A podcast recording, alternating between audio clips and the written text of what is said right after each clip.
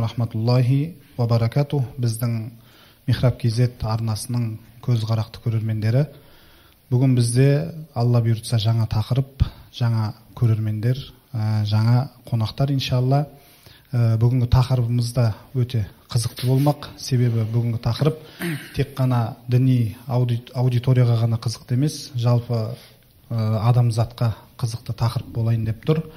Ол жындар әлемі.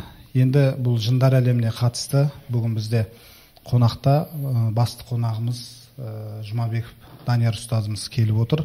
Бұл кісі көпшілігіңіз білесіздер ұстазымыз жындарға қатысты мәселелерді талқылап зерттеп жүрген кісі. Енді әлеуметте жаңағы желіде танымал болмаса да ұстазымыз жындар әлемінде қатты танымал.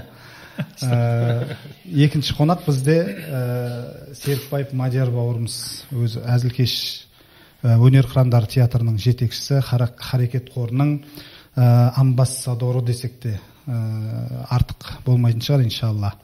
Енді бүгінгі тақырып ұстаз көп ауыртпашылық өзіңізге түсейін деп тұр енді. Жындар әлемі болғаннан кейін. Осы жерге келіп сөйлеп жындар жайлы тарқатып бергеніңіз жөн көрдік енді. Көбіне халыққа жындарға қатысты қызық болатын нәрсе ол жындар әлемі және олардың жаратылысы қандай олардың әлемі тарих туралы. Халыққа көбірек осы нәрсе қызық. Осы турасында кішкене айтып берсеңіз иншалла. Иншалла альхамдулиллахи роббил аламин уассалату вассаламу аля ва хабибина мухаммадин. Али сахби ажмаин амма ба'д ассаламу алейкум ва рахматуллахи ва баракатуху енді алла субханала тағала құран кәрімде бұл дүниеде екі жаратылыстың бар екендігін атап өтіп кетті ғой яғни алла субхана тағала құран кәрімде аят кәримада айтады ғой мен жын менен адам затын өзіме құлшылық ету үшін ғана жараттым дейді міне сол аяттан біздің білетін нәрсеміз бұл дүниедегі а, саналы жаратылыс жаратылыстардың ішіндегі саналы ертең жауапқа тартылатын жаратылыс осы дүниедегі екі ақ түрі бар екендігін түсінеміз. Яғни бірісі жын екіншісі адам. Сол және де бұл жерде алла субхана тағала осы аятта бірінші болып жыннан бастап жатқаны деп бірінші жынды атап одан кейін адам баласын атап жатқан себебі де жын әлемінің жын жалпы мақлұқаттың жаратылысының біздің әлемімізден біріншірек бірінші болып бұрынырақ болып жаратылғандығының іспеті. Әлдеқайда бұрынырақ әлдеқайда және жаңағыдай ертерек жаратылғандығы. Иә. Және де алла субхана тағала келесі бір аятында айтады ғой деп келеді. Яғни о жын жамағаты сендер адамдар жамағатынан қарағанда көбірексіңдер деп келеді. Яғни олардың саны да біздің мысалы үшін санынан адамзатының қазіргі адамзатының мысалы үшін жеті миллиардқа жақындап қалды ғой. Олардікі бұдан бірнеше есе көп екендігін де алла субхана тағала іспеттеп кетті. Және де бұлардың жаратылысына келетін болсақ алла субхана тағала ар рахман сүресінде айтады адам баласын біз дыбыс шығаратын бір балшықтан жараттық дейді. Яғни дыбыс шығаратын дегені мына керамикалық ыдыстар бар ғой соларды бүйтіп түртсеңіз тың еткізіп дыбыс шығарады ғой. Сол тура сол сияқты мысалда келтіреді тәпсіршілер. Біздің жаңа деген сол ішінде исраилияттың хабары бар хадистен келген хабарлар бар. Сол хабарлардың бірінде айтылады жаңағы адам баласының адам атамыздың жаңағыдай бейнесі жаратылғаннан кейін біраз уақыт жәннатта жатты сол күй жаратылған күй дейді жан берілмей дейді. Сол кезде шайтан келіп түрткен кезде жаңағыдай дыбыс шықты одан дейді. Яғни соны алла субхана тағала аятта айтып отыр бір дыбыс шығатын жаңағы сыңғырлаған бір дыбыс шығатын топырақтан жараттық адам баласын. Және жын затын жын жын баласын біз түтінсіз оттан жараттық дейді. Түтінсіз от дегенде енді әртүрлі тәпсірлейді. Тәпсіршілеріміз соның ішіндегі ең әйгілірегі жаңағы оттың ең соңғы жағы дейді. Жаңағы көгілдір болып жанатын жағы дейді. Түтінге ұласып кететін түтінге ұласып кететін жер дейді. Түтінсіз от деген сол дейді. Сол жерден жын баласы жын баласы жаратылды. Дейді кейде сол сұрақтар болып жатады. Оттан жаратылды ма әлде иә. ысынан ба түтіннен ба деген секілді. Жоқ жалынды болып тұр ғой рахман сүресінде түтінсіз от дейді. Түтінсіз отты. иә түтінсіз отты жаңағыдай іспет жаңағы тәпсірлейді ғалымдарымыздың көпшілігі. Жаңағы жер дейді жаңағы отқа ұласатын. Иә түтінге ұласатын. Оттан түтінге ұласатын екеуінің ортасы. Енді аллаху алам алла білушірек енді сондықтан да адам баласы қатты заттан қолға ұстауға мүмкін болған сезінуге мүмкін болған заттан жаратылғандықтан да біздің енді өзіміздің бір ке, белгілі мөлшерде ғана мүмкіншіліктеріміз бар. Мәселен мынандай жаңағыдай адам өте алмайтын жерден жын өтіп кетуі мүмкін. Себебі ол жаңағыдай қолға ұсталынбайтын сезіну кемде кем мүмкіншілігі кемде кем болған нәрседен жаратылғандықтан да оның жаңағыдай кішкентай бір жарыл, жарықтардан да өтіп кетуге мүмкіншіліктері барлығы. Және де біз мысалы үшін иә, ерекшеліктері ғой енді ерекшеліктері. сол сияқты біздің мысалы үшін өзіміздің анамыздан туылған кездегі берілген денеге байланысты болғандықтан да жаңағыдай қатты заттан жаратылғандығымыздан да біз басқа бейнеге көше алмаймыз. Ал оларда ол басқа бейнеге көшу мүмкіншілігі де бар. Себебі жаңа айтқанымызда олардың жаратылысында ол нәрсе бар да. Жаратылысында сол нәзіктікті алла субхана тағала берген. Жаңағы отты да мысалы үшін үлкенірек жақсаң үлкенірек алаулайды кішірек жақсаң жаңағыдай бүйтіп кішірейді. Сол сияқты оларда да сол мүмкіншілік бар. Ал енді топырақты қанша нығыздасаң да салмағы да өзгермейді. Оның жаңағыдегі сыртқы пішіні өзгермеген болмаса салмағы да өзгермейді оның жаңағыдай несі де мөлшері де өзгермейді. Сондықтан да біз басқа мөлшерге ене алмаймыз да иә. салмағымызды да өзгерте алмаймыз. Сондай бір ерекшеліктері бар енді құранның жаңағыдай аяттарына сүйенетін болсақ. Енді әрине оны ол да ол да болса жаңағыдай бұған сенетін кісі бар сенбейтін кісі бар. Көбінше адамдар өздерінің басына түспесе ол нәрсеге илана бермейді. Иә басына түспегенше ол нәрсені мойындай бермейді. Сондықтан да әрине бұл иман келтіргендер үшін берілген хабар алла субхана тағаланың тарапынан. Біз иман келтіруіміз керек қой бұл әрине. Барлығына иә ұстаз. А бірақ жаңағы кіреді кірмейді. Дейді ғой енді. Тиеді тимейді кіреді кірмейді деген мәселе де бар иә ғалымдар ол мәселе енді ғалымдардың арасында өте талас тартыс мәселе. Иә. біздің ханафи масхабында жалпы абу ханифа кірмейді деген. Мәс деген нәрсе бар дейді. Иә, ол кісі иә. мәс деген нәрсе тию деген ұрып кету соғып кету тию жалпы. Бірақ ішіне кірмейді дейді. Бірақ оның шәкірті имам абу юсуф рахмаулла тағала кіреді деген жаңағыдегі пікірлерді білдірген. Иә енді осы кіреді деген пікірді қаттырақ ұстанатындар бұлар негізінен хамбали масхабы менен шафиғи масхабы енді әрине әрқайсының өзінің соған жараса дәлелдері бар. Иә бірақ біздің масхаб бойынша жаңағыдай абу ханифаның өзі төл ұстазымыз жаңағыдай кірмейді дейді. Тек қана әсері болады дейді. Ти- тиеді деген енді бізде бірақ енді ба- бала күніне жын тиіпті жын тиді ма деген сияқты иә? сондай Иә. сөздер көп жоқ сол біздің масхабтың жаңағыдегі ұстанымы сол болғандықтан біздің сөзімізде де қазақтың сөзінде де осы нәрсе қалыптасқан да. Жын кіреді деген нәрсе осы жақында ғана шығып жүр да. Оған дейін жын тиіпті жын ұрыпты деген сөзді иә ғана ұрды ма сені жын тиді Иә, ма бұл мынаған арабтар да бұны қолданады екен да ұстаз. Мен өзім мынау ә, ливан республикасында оқып келдік қой. Мысалы ол жақта мусоп деп атайды. Тиюш Особо деген, иә? А, особо юсибу мусоп мұсибатын иә, сол мусоп деп атайды да мысалы. Тиілген нәрсе дейді да тиген дейді. Зардап шегілген иә ә, сол секілді. Анау неше мысалы баяғыда бала күнімізде енді қазір білмеймін енді мүмкін қалада жүргеннен кейін көп естімейтін шығармыз. Бірақ бала күнімізде білеміз анау түнде судан өтіп бара жатыпты да суға құлапты перілер пері соғыпты деген неше пері деген осы жын пері деген бір қатар жүретін еді ғой осы. Енді бұл бұл тылс- тылсым дүние ғой. Жалпы бұл, бұл хабарында алла субхана тағала бізге өзге, өзін, өзіміздің санамызға өзіміздің осы дүниелік тіршілігімізге байланысты ғана хабарларын берген да бірақ көпшілік хабарын біз біле бермейміз оның ше енді оның көпшілік хабарында пайғамбарымыз мұхаммад саллаллаху алейхи вассаламның өзі де беріп, бермеген бізге. Олардың мекен жайын айтқан олардың немен рызықтанатынын айтқан керекті нәрсесін ғана жаңағыдегі айтқанда тылсым болғандықтан жаңағы ғайып дейміз ғой енді арабшада. Иә. бұл нәрсеге көп жаңағыдай мән берілмеген өзі. Бірақ кейіншелікті ғалымдар ә, осы нәрсені жаңағыдай адамдарға тигендіктен жындар адамдарды ұрып кеткендіктен жаңағыдай есуас қылғандықтан бұл нәрсемен шұғылданған ұстаздарымыз болды үлкен ғалымдар да болды. Ахмад ибн хамбал солардың ішінде біреуі мысалы үшін әйгілі бір оқиғасы бар жаңағыдай. Ай, ауырған әйелге үй күйеуге пемсап беріңіз дегенде ол кісі өзінің аяқ киімін беріп жіберетіндігі жайлы. Аяқ киім беріп жібереді да мынаның басына барып бас тұсынан жаңағыдай қағып жерге мына ахмад келе жатыр деп айтсаң ішіндегісі қашып кетеді деп Иә. айтады. солай болады да. Содан кейін арадан біраз уақыт өткеннен кейін ахмад ибн хамбал рахмаулла қайтыс болып кетеді. Сөйтіп ана бірақ аяқ киімі қалып кеткен жаңағы кісінің үйінде жын қайтып келіп кіреді сөйтіп жаңағы ұрып қайтадан сондай істесе не деп алдап отырсың мені ол өліп кеткені бүгін деп айтады дейді. Сол сияқты жаңағыдай тарихымызда үлкен ғалымдар да бұл нәрсеменен шұғылданғандығы белгілі. Және де олар өздерінің тәжірибесі арқылы құран сүннетке сай құран сүннетке қарсы келмеген күйі бұны зерттеген. Сондықтан ә, көбірек бұл мәселеде біз сол жаңағыдай ғалымдарымыздың зерттеуіне сүйенеміз көбірек. Солардың тәжірибесіне сүйенеміз. Құран хадиске емес.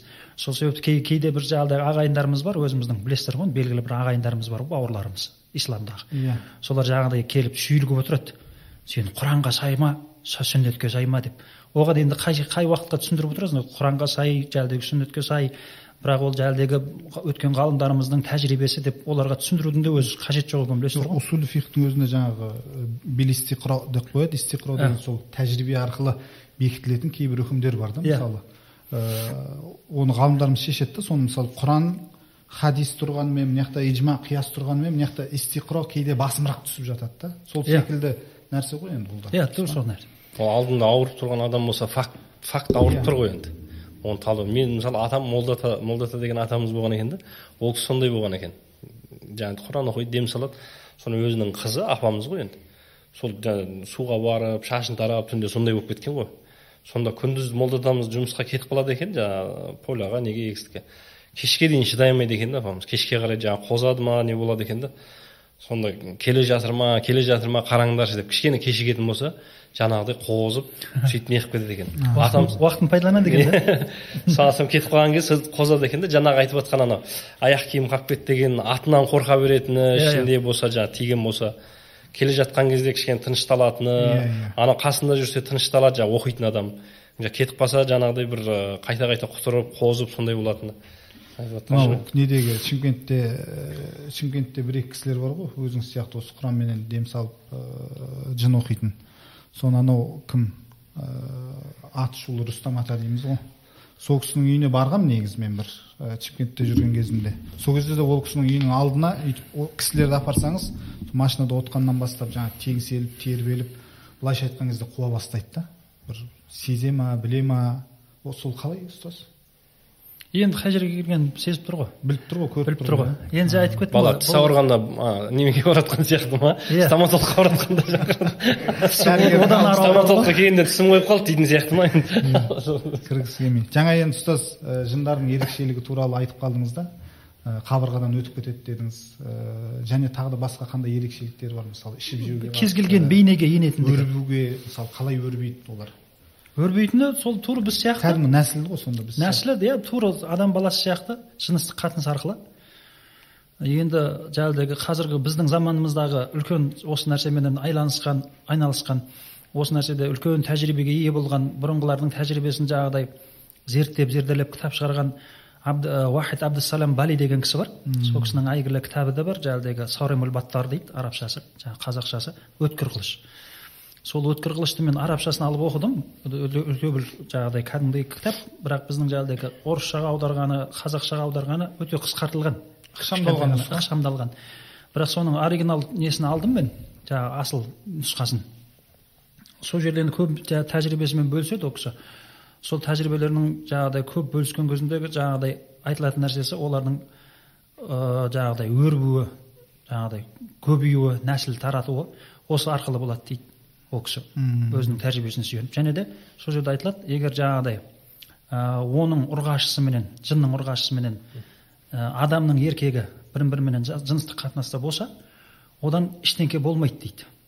Ал керісінше болса а, жоқ одан болады дейді керісінше ол туылуы мүмкін адам жаңағыдегі адам менен жынның иә, содан кейін екен да ана кейде кітаптарда оқып джинни деген аттар келеді ғой ал енді керісінше болса яғни жынның еркегі менен адам баласының ұрғашысы екеуі жаңағыдай жағдай болған болса онда ештеңке болмайды дейді жыннан бірақ жынның ұрғашынан адам баласының несінің туылуы мүмкін деген жаңағыдай нелерді айтады сөздерді бұл да бірақ енді пікірталас Пікірталас мәселе, әрине. үлкен Пікірталас. ғалымдардың арасында бірақ енді солардан бұл айтпақшы болған нәрсем ә, осы нәрселерден осы тәжірибелерден қарайтын біздің түсінетін нәрсеміз олардың да жаңағыдай өрбуі тура біз сияқты айтпақшы болған мәселем осы еді? Көбею иә. Көбею Көбею. а тиетін мәселе мысалы қай кезде тиеді? Бұл болады ғой енді сақтанып жүру үшін негізгі иә, тиетін жері сиқырдан. Негізгі Негізгі мәселесі сол. одан кейін өте аз жолығатын нәрсе адам өзі қатты қорқып қалған кезде қатты қуанған кезінде қатты жаңағы уайым қайғыға берілген кезде бұл кемде кем болатын дүние. Немесе түнде жаңағыдай бір өзі бір жерде қалып кеткен жағдайда солардың жаңағыдай мекенінде ма басқасында? Негізінен негізгі себебі сиқыр. Баяғы э, апаларымыздың аналарымыздың түнде жаңағы далаға қоқыс лақтырма күлді баспа, деген жаман жерге жаңағы қоқыстың үстіне жаңағы су төкпе бір нәрсе мусор шығарма дейтін негізі сол шарттардан екен да иә? шұңқырға су төкпе иә. дейді мысалы сабын суды төкпе шұңқырға өйткені олардың жаңағы өмір сүріп жатыр ғой бізбен негізі иә? Параллельно өмір сүре ма олар? Иә. Біз просто көрмейміз ғой оны. Дәл осы жерде үлкен қаласы бар шығар білмейміз да біз оны. Біз жауып қойған осы ғой жерде де оларды бір нәрсе жасап жатқан шығар десеңші студия секілді. Енді анау алла қатарласып өмір сүріп жатыр ғой оны. аятта да келтіреді ғой. Адам баласының жан тәсілім етіп жатқан кезін сипаттайды ғой алла субхана тағала. «Уаджаал, ә, сакратул маут бил хақ деп келеді да. Ақиқатында өлімнің қиыншылығы сендерге жетеді дейді алла субхана сенің қашып жүрген нәрсең осы еді дейді осы ажал еді қашып жүрген дүниең дейді сол сәтте біз сендердің көздеріңнен пердені аламыз дейді яғни осы жерде тәпсіршілеріміз айтады пердені алған кезде дейді адам баласы дейді сол сәтте дейді жындар әлемін періштелер әлемін бәрін көреді дейді тірісін әлі кетпедің тәсілім етейін қасыңда естіп отырсың бала шағаңның улап шулап жатқанын оларға жауап бере алмайсың. Сен ана жақта жартылай жартылай бер жақта тұрсың жындарды да жаңағы періштелерді де бәрін көріп тұрсың дейді да міне сол аяттарға қарайтын болсақ жаңағыдай бізде перде бар көзімізде. Оларды көре алмайтын. Бірақ кейде кейде алла субхана тағаланың қалауымен ол ашылып қалып жатады. Ол да болса алланың бір хикметі шығар. Бізге қалай қорғану керек олардан қалай сақтануымыз керек соның барлығын үйрету үшін шығар. Білмеймін бұда да бір үлкен бір хикмет бар екендігі анық. Бірақ жаңағыдай құранның аятына сүйенетін болсақ «Факашафна анка ғитаак» деген аят бар. Жаңағы сендерден сенен жаңағыдай пердені аламыз дейді алла субхана тағала. Дейді. Сол, сол сәтте сенің көзің өте өткір болады дейді. хадидтен мақсат темір емес бұл жерде жаңағыдай анық көруші деген мақсатты айтып отыр алла субхана сол кезде сен жаңағыдай көзіңмен көре алмайтын қазіргі күнде мысалы айтады ғой жаңағыдай ә, жаңағыдай жарықтың спектрлері. Мысалы жеті спектрі бар немесе жаңағыдай инфра қызыл жаңағыдай Иә. сәулелер деген сияқты. Соның барлығы біздің көзімізден жасырылған ғой. Бір арнайы құралғы арқылы ғана көре аламыз ғой. Тура сол сияқты дүние ғой. Мынау ұстаз мен сөз бөліп жіберіп жатырмын да бірақ енді мүмкіндік пайдаланып қалып жатырмын мүмкіндік пайдаланып қалып жатырмын ұстаздан келгеннен кейін көп сұрақ қой енді көп сұрақтар мысалы ә, көбінің ойында мысалы шайтан лағнет одан кейін жын екеуі бір сияқты болады да. Екеуі бір нәрсе. Жаратылыс иә бір ғой. екеуі бір болып көрінеді. Негізінде ал жаңағыдай жаңағы біз жындар мен адамдарды құлшылық қылу үшін жараттық де- дегенді жын сөзін қарасақ ол қалай болады? Олар да құлшылық айырмаған да етеді алла субхана тағала олар да құлшылық етеді жын ғой демек иә? шайтанды алла субхана тағала айырмаған арасын. Мұсылман ә, былайша айтқанда мұсылман жындар. мұсылман кәпір болып бөліне ма демекші ғой мәкең болып бөлінеді. Бірақ екеуінің айырмашылығы жоқ жаратылысында. Жаратылысында айырмашылық жоқ. Айырмашылығы жоқ.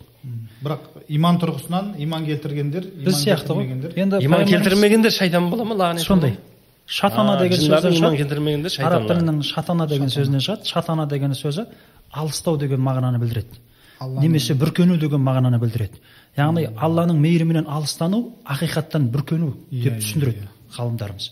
Ақиқаттан өзін бүркеп алу яғни ақиқаттан өзін тосу немесе жаңағыдай ақиқаттан алыстау. Біліп тұрса да тәкаппарланып оны мойындамау деген сөз сонда шығады сол, сол себепті де шайтан деген сөз бүркенген немесе алыстаған деген мағынаны білдірсе ол шайтан адамнан да бола береді да. Адамның да ақиқаттан алыстайтыны көп қой. бүркенетіні шайтандар балама мағынасында. Ол екеуі бір нәрсе. Адамға да істетіле береді бұл нәрсе. Себебі пайғамбарымыз мұхаммад саллаллаху хадисі бар.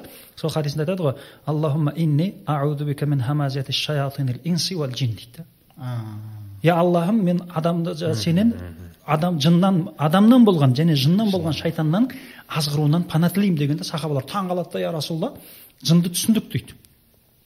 Адамға не болды дейді? Адамның да шайтаны бола ма дейді? Жаңағы сұрақ қой.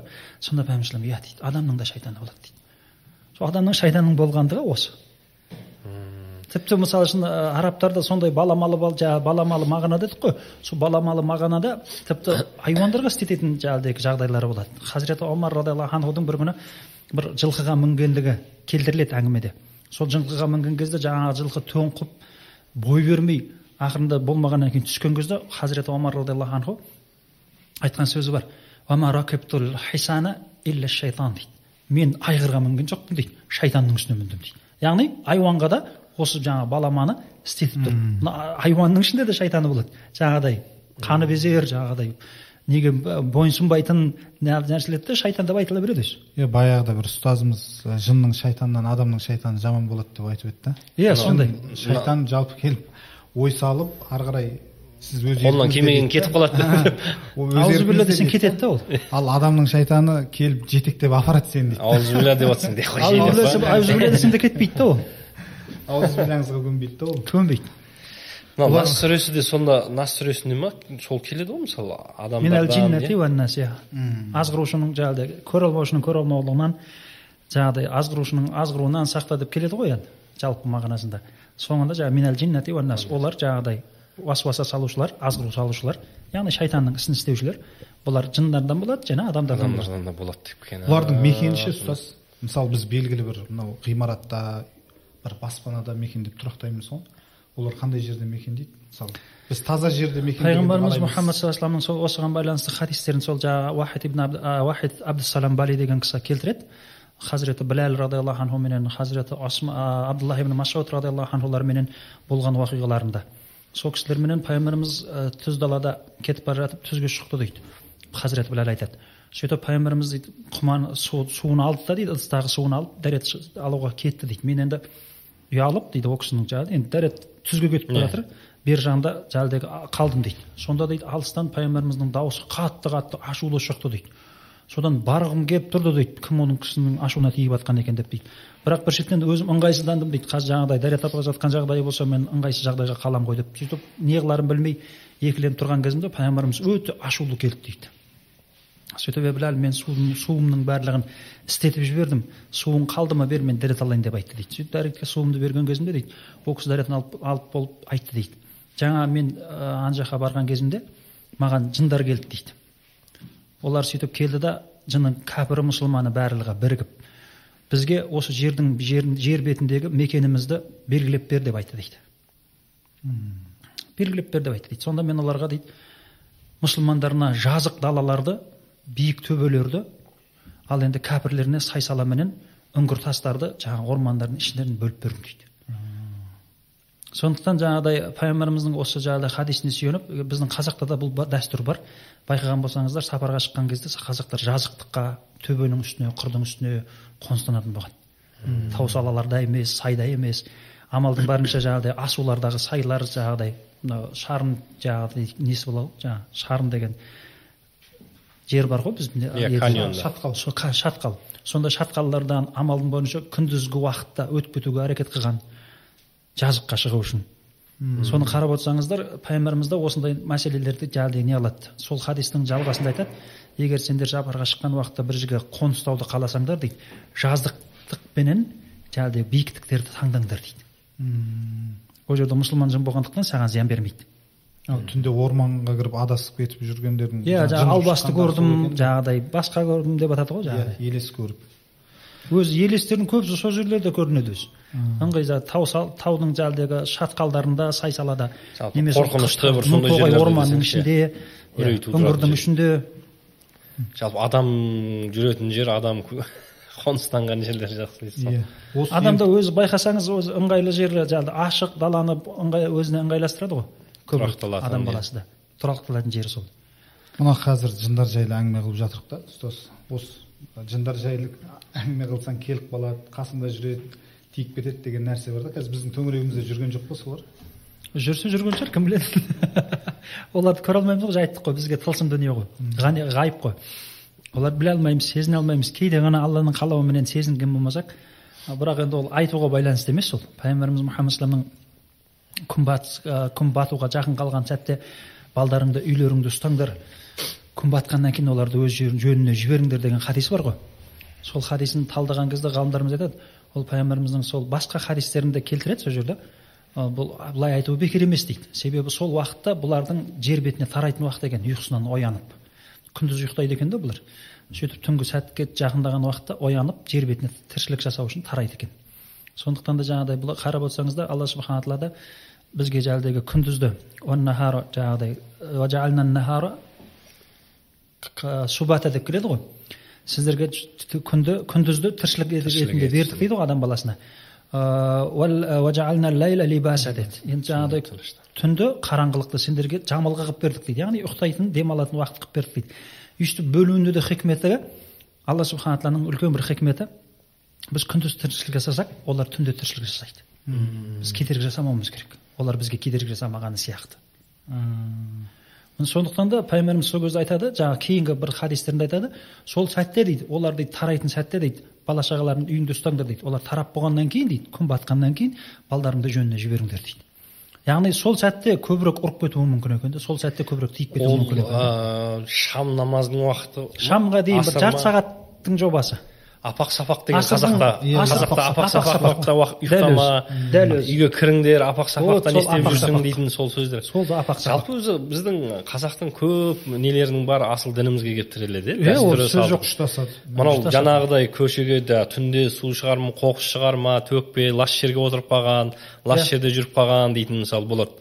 Содан кейін жаңағыдай апақ сапақ сосын тағы бір айта кететін ылғи әлі күнге дейін айтады ғой мысалы дастарханда жаңағыдай дастарханды ыдыстарды жумай жатпаңдар yeah. бетін бір нәрсемен жауып қойыңдар ей деп апамыз иә жуылмаған ыдыс болсын жуылған ыдыс болсын бетін жауып қойыңдар деп анамыз әйтеуір баяғыда бүйтіп бүйтіп төңкеріп төңкеріп қоятын немесе төңкеріп жуып жуып төңкеріп қоятын ана ашық қалдырмаңдар беті ашық қалып.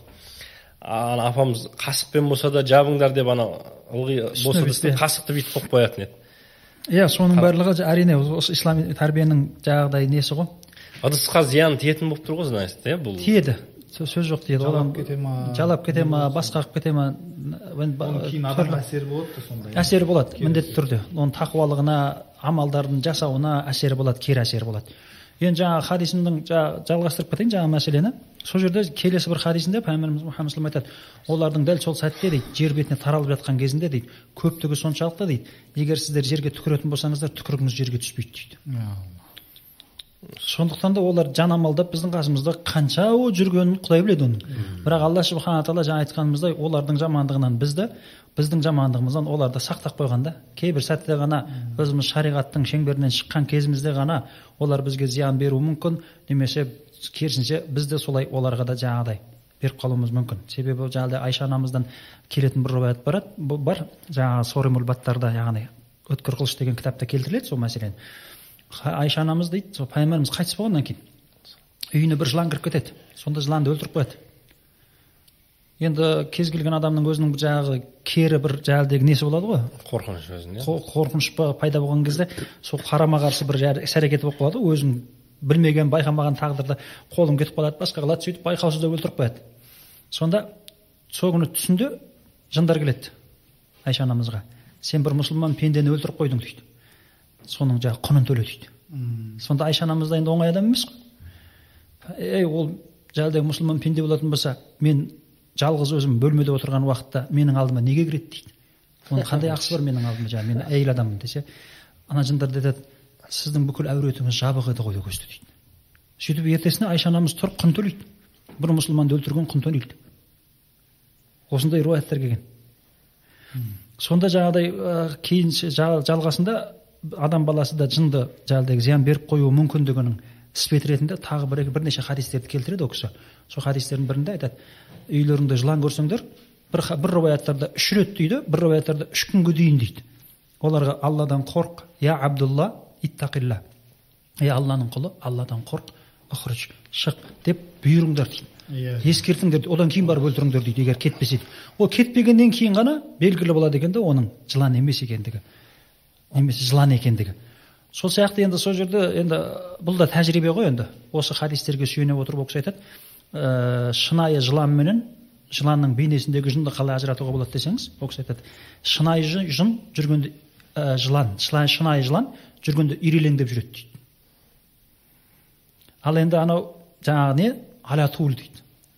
Түпке жүреді дейді. Тігінен кетеді. Ирелеңдемейді дейді жын болса дейді. Бізде ана оқ жылан дейді ғой секіріп yeah, тесіп өтіп кетіпті дейді ғой. Сол оқ жыланның іспеті да. Иә. Тіке жүреді ғой ол. Жылан емес та. Тағы қазақтың несіне айналып келеміз мына жерде? Басына ақ құйып шығарып салатын жыланды. Yeah, yeah. бірінші ақ құяды кетеді кетпейді. Кетпей қайтадан не қылатын болса ғана өлтіретін еді баяғыда. Сөйтіп ғой. ақ құйып ақ құйып шығарып салады. Ескерту ғой. Иә мұсылман болсаң асым ішесің де таясың болдым. Иә. қонағың болмасаң біреуді өлтіруге болмайды мұсылманға біреудің шаңырағында отырып деген сияқты. Басына ақ құяды кетсе кетті кетпесе одан кейін өлтіреді да. Сол өлтіру деп жатсыз ғой мысалы жынды өлтіру қалай негізі? Күнә жазыла ма пендеге жазылмай ма? Егер мұсылман болған болса күнә жазылады. Кәпір болған болса да жаңағыдай ескерту керек та. Ескертіп барып қана. Одан кейін уже жауапкершілік мойнымыздан түседі. ғой айыруымыз енді. Сіздер айыратын шығарсыздар бірақ. Енді ол бізге де айыру жаңағыдай кітаптар арқылы болмаса оны анда арнайы соған білім алу керек негізі. Кез келген нәрсені өзі шариғатымыз дейін мөлшерге дейін білім талап парыз ғой иә. ғана кірісуге бұйырады ғой ә, қарапайым деңгейдегі адамдар өзіне лайықты деңгейге дейінгі білім білім негізі бар ма өзі осы мысалы жай жай адамға мысалы өзін ажырату үшін иә? мұсылманның қорғаны ғой. Иә. Дұға қарапайым адамға өзінің деңгейіндегі білім мұсылманның қорғаны. Сода бар дұғалары бар. таңертең кешке деген сияқты одан артығы жоқ. бір ағамыз бар еді ауылда. Ит үреді ғой. Кетіп бара жатқан өзі үлкен кісі еді. Бүйтіп ит ау ау ау ау деп үріп жатса болды бісміллә сен өзің міндетіңді атқардың болды кете бер дейді. Көрдік бәріміз дейді. Сен үріп алсың жұмысың жасадың дейді. Болды кете бер дейді. Ары қарай ерегісіп кетеміз дейді да енді. Сол сияқты жаңағыдай баяғыда анау не болушы еді ғой? Ә, үйге кіреді не деп жатырық қой шығады деп жатырық. Домовой деген нәрсе болушы еді ғой. Бала күнімізде. Үйге кіргенде көбінесе енді ба қорқытатын. Мысалы ағаларымыз менің өзімнің бала кезімнен үйімде болған нәрсе ол. Маған ол жат нәрсе емес. Өзім сонымен өскенде бір домовой бар дейсіз ғой. Сол жын ба? Домовой деген нәрсе не өзі? Домовой дейді албасты дейді пері дейді. Жаңағы суперс деп жатыр. Сол Иә. пері мен жын екеуі бір ма или бөлек па атауы көп қой оның. Және әрбір халықтың өзінің мәдениетіне сай атайды. Мысалы үшін пері деген парсы мәдениетінен келген дүние жын деген араб мәдениетінен келген дүние леши домовой деген жаңағыдай жалпы христиандардың православтардың дүниесіне келген мәдениетінен еніп кеткен дүние. Бұл атауы бөлек бөлек болғанмен жаңа айтып кеттік қой құранда алла субхана тағала саналы жаратылыстың екеуін ғана атады да жын менен адам баласын ғана атады мұны осыдан білетініміз бұның барлығы жын. Бұның барлығы жын. Енді себебі жында біз сияқты ұлтқа бөлінеді. Өзінің тілі болады өзінің мәдениеті болады. өзінің нәсілі болады өзінің руы болады өзінің жаңағы діні болады. Бізбен қатар жатқан өмір бізде қатармен жатқан дүние. Тек қана жаратылысы бөлек. Бізге не бұйырылған болса оларға сол бұйырылды. Бізге не тыйым салынған болса оларға да сол нәрсе дәл дәл тыйым Құрандағы- ешқандай айырмашылығы жоқ. Оларда мен тыйымдар тек қана адамзатқа емес Иә. ол жындарға да Екеуіне бірдей. иә. Сол себепті жаңағы айтқан Иә. аятыңыз «Уама халақтул джинна уал инса Илля илля Иә, лиябудун». олар да қажылық жасайды сонда иә? Сондай. Ораза ұстайды. Әрине. Қажылыққа барып жаңағыдай амандасып жүрген бауырыңыздың жаңағыдай кім екенін де білмейсіз да негізі шындығына келгенде адам бейнесінде жүрген жын да шығар да ол демек олар бейнеге ене беретін болып тұр ғой иә алланың өмірдегі бейнеде ене береді? Иә иә мынау біздегі әсіресе ана тәңіршілдіктен қалған сарқыт бар ғой қазақта. Әруаққа Иә. табыну деген. Әруаққа сиыну деген. Солардың жаңағыдегідей ояу кезінде де ұйқылы кезінде де көзіне жаңағы ата бабасының елесі келіп көрінетін себебі сол ғой. Атамды кәпір жындар адастыру үшін жаңағының атасының бейнесіне кіреді апасының бейнесіне кіреді нағашының бейнесіне кіреді сөйтіп ойбай балам ау сен өйтіп едің ғой бүйтіп едің ғой деген сияқты жаңағыдай адастырудың бүкіл амал шарасын шарғысын істейді ғой. Арқаң бар деген сияқты. Арқаң бар деп менің алдымда біреулер келіп жатады арқам бар деп. Мен айтамын осы күнге шейін арқасы жоқ адамды көрмеппін деп. Бәрінің арқасы бар. әзілдеп ғой қоямын жаңағы сіздерде осы оқып жүрген кезде студенттік кезіңізде жатақханада боласыз ба негізі мәке жатақханада енді көп болмадық біздер. Жаңағы домовой деген нәрселер ол жақта болды ма дегенім ғой. Енді шыны керек енді балалық шақта жалпы енді студенттік кез оқып жүрген кездерде осындай нәрсе көп болды ғой. Ол кезде жаңағы домовой дейді анау дейді мынау дейді. Ыыы пәленше әртісті шақыру деген ойындар болатын еді алла сақтасын андай бүйтіп. Тарелка қойып қойып бәрі ұстап отыр қазір неше түрлісі бар ғой. Жас балалар да соны істеп жүр екен. Кейін түсіндік қой. Жаңағы тарелканы қойып қойып бүйтіп бір нәрсе айтып айтып айтып пәленше әртіс шақырады. Пәленше әртіс шақырасың ол келеді жіберіп қалсаң тарелка қимылдайтын бір нәрсе ше. Сондайлар болып жүрді кейін ә, бір оқып жүрген кезде студент кезде осы жанболаттардың несі ғой деймін сабағы болып жатқан кезде біреу сөйтіп айқайлап шыңғырып бір қыз. Түнде бізде түнімен дайындала беретін еді. Түнгі уақытта жанболаттар звондап имам керек біреу керек еді деп ше? Имам керек еді. Не болып қалды деген кезде осындай бір қыз шыңғырып айқайлап жатыр тоқтамайды деп ше? Содан сөйтсе бір имамдар барыпты жаңағыдай дем салған ба? Содан кейін жаңағы айт сөйлес енді балалар білмейді ғой ол кезде анамен сөйлесіп жатыр дейді да қызбен. Қашан кірдің? Қашан кірдің? деп жатыр дейді да қай жерде кірдің намазда кірдім деп жатыр де өтірік соқпа намазда кірген жоқсың сен деп. Дәретханада кірген барған кезде сол жаңағы жын тиген дейді. Да кейін қыздың өзі айтып беріп жатыр дейді дәретханада деп ше дәретханаға барған сөйтіп сол жерден жын тиген ба сондай болған екен. Сосын бізде енді өнерде біз естуіміз ол кезде енді образ дейді ғой. Образ соншалықты образға кіреді сондай мықты ойнайды деп кезінде бір ленинді ойнаған әртісті туралы айтқан үлкен ағайларымыз. Ленинді ойнап ойнап соншалықты таңертең кешке дейін сол ленин болып ленин болып жүріп ленин концерт біткеннен кейін жаңағы спектакль біткеннен кейін де ленин болып қалады екен да өзі қайтатын кезде ленин болып қайтады солай өмірден ленин болып өтіп кетті дейді да. Жай өмірде де құдай сақтасын. автобуста да тұрғанда енді. Оның жаңағы жын тиген ба тимеген ба деген белгісінен былай енді образ болса мейлі ол бірақ өмірде сөйтіп сол замандағыдай сөйлеп жүреді дейді да. Ешкім жоқ қасында бірақ көшеде өзі ә, сіз мырза неге олай істейсіз? бір нәрсе деп өзіменен сөйтіп сөйлейді дейді. Тіпті қасындағы жаңағы әріптестері дейді студенттер қашатын дейді да одан. Қалай ұстаз осы? Енді ол міндетті түрде жын тиген болу керек емес. Кейде жын да тиюі мүмкін бірақ кейде адам баласы өзінің ә, еркіменен қабылдаған дүниесін өзіне соншалықты жақын тұтып алла субхана тағаланың мейірімінен алыстаған сайын алла субхана тағала өзінің сол санасындағы өзінің қиялын оған ақиқат етіп көрсетіп қояды да. Алла субхана тағала өзі адастыр кімді адастырғысы келсе оны өзінің мейірімінен алыстатады ғой. Сол себепті алла субхана тағала құранда да айтады ғой күллі хизбин фарихун дейді. Әрбір жаңағы топ өзінің қол астындағы нәрсесіменен мәз мәйрам дейді. Яғни мысалы үшін сен барып қазір православ шіркеуінің мүшесіне барып сенікі дұрыс емес десең ол жата қалып өзінікін қорғайды қорғаштайды. Қанша сен оған дәлел әкеліп берсең де оны ақиқаттың үстіне жәлдегі отырғызып берсең де ол өзінікінен қайтпайды. Тек қана өзінікін дұрыс санап сол өзінің нәрсесімен ғана жаңағыдай қуанады. Сол сияқты бұл жағдайларда да осындай нәрселер болады.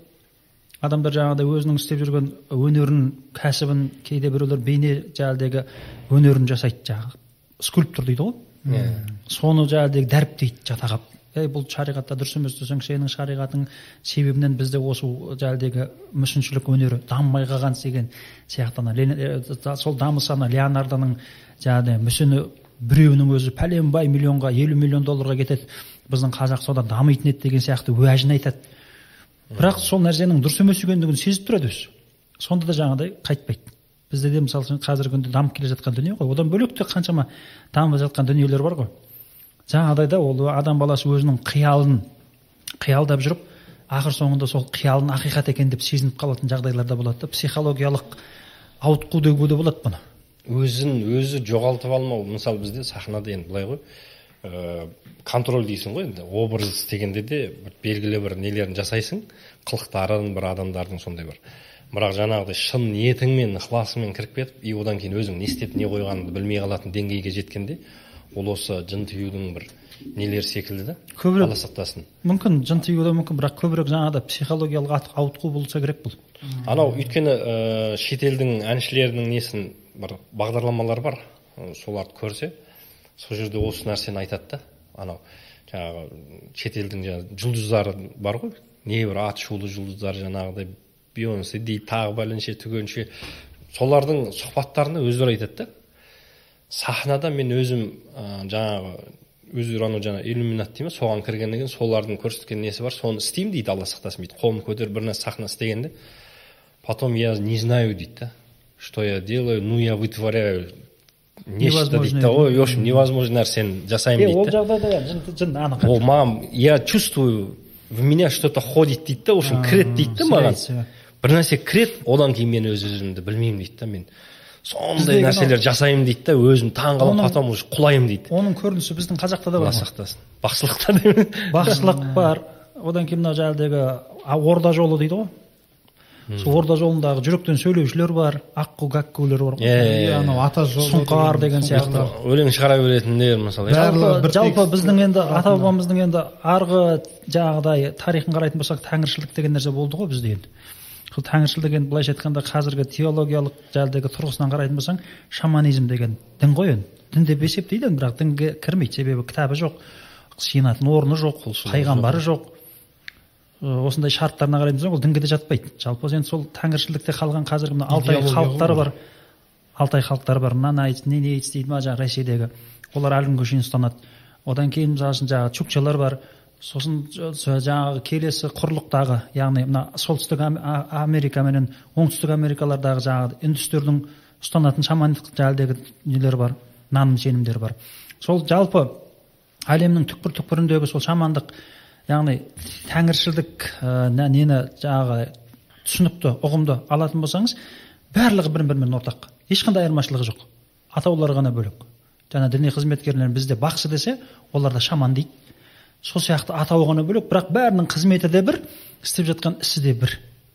Біздегі бақсылардың да жаңағыдай өзге бір бейнеге еніп кетіп неше түрлі айтып жаңағы басқа дауыспенен сөйлеп сөйтіп жаңағыдай бізде де мысалы үшін шамандық жаңағы алтайлық жаңағы не халықтарда одан кейін жаңағы солтүстік үндістердің халықтарында да жаңағыдай орысша айтқанда гортанный песня пение деген бар ғой мына жақтан бүйтіп жаңағы иә, иә, деп иә. айтатын өлең бар ғой.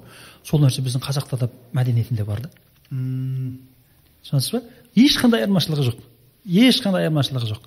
Яғни бұның барлығы шамандықтан енді содан келіп шығатын нәрсе бұл жерде жаңағыдай өзге бейнеге еніп жаңа артистер ұқсап өздері не істеп не қойғанын білмейтін себеп. Бұл енді анық жыннан анық шайтаннан ісі. Өйткені адам баласы ол нәрсені істеуі мүмкін емес нәрсе.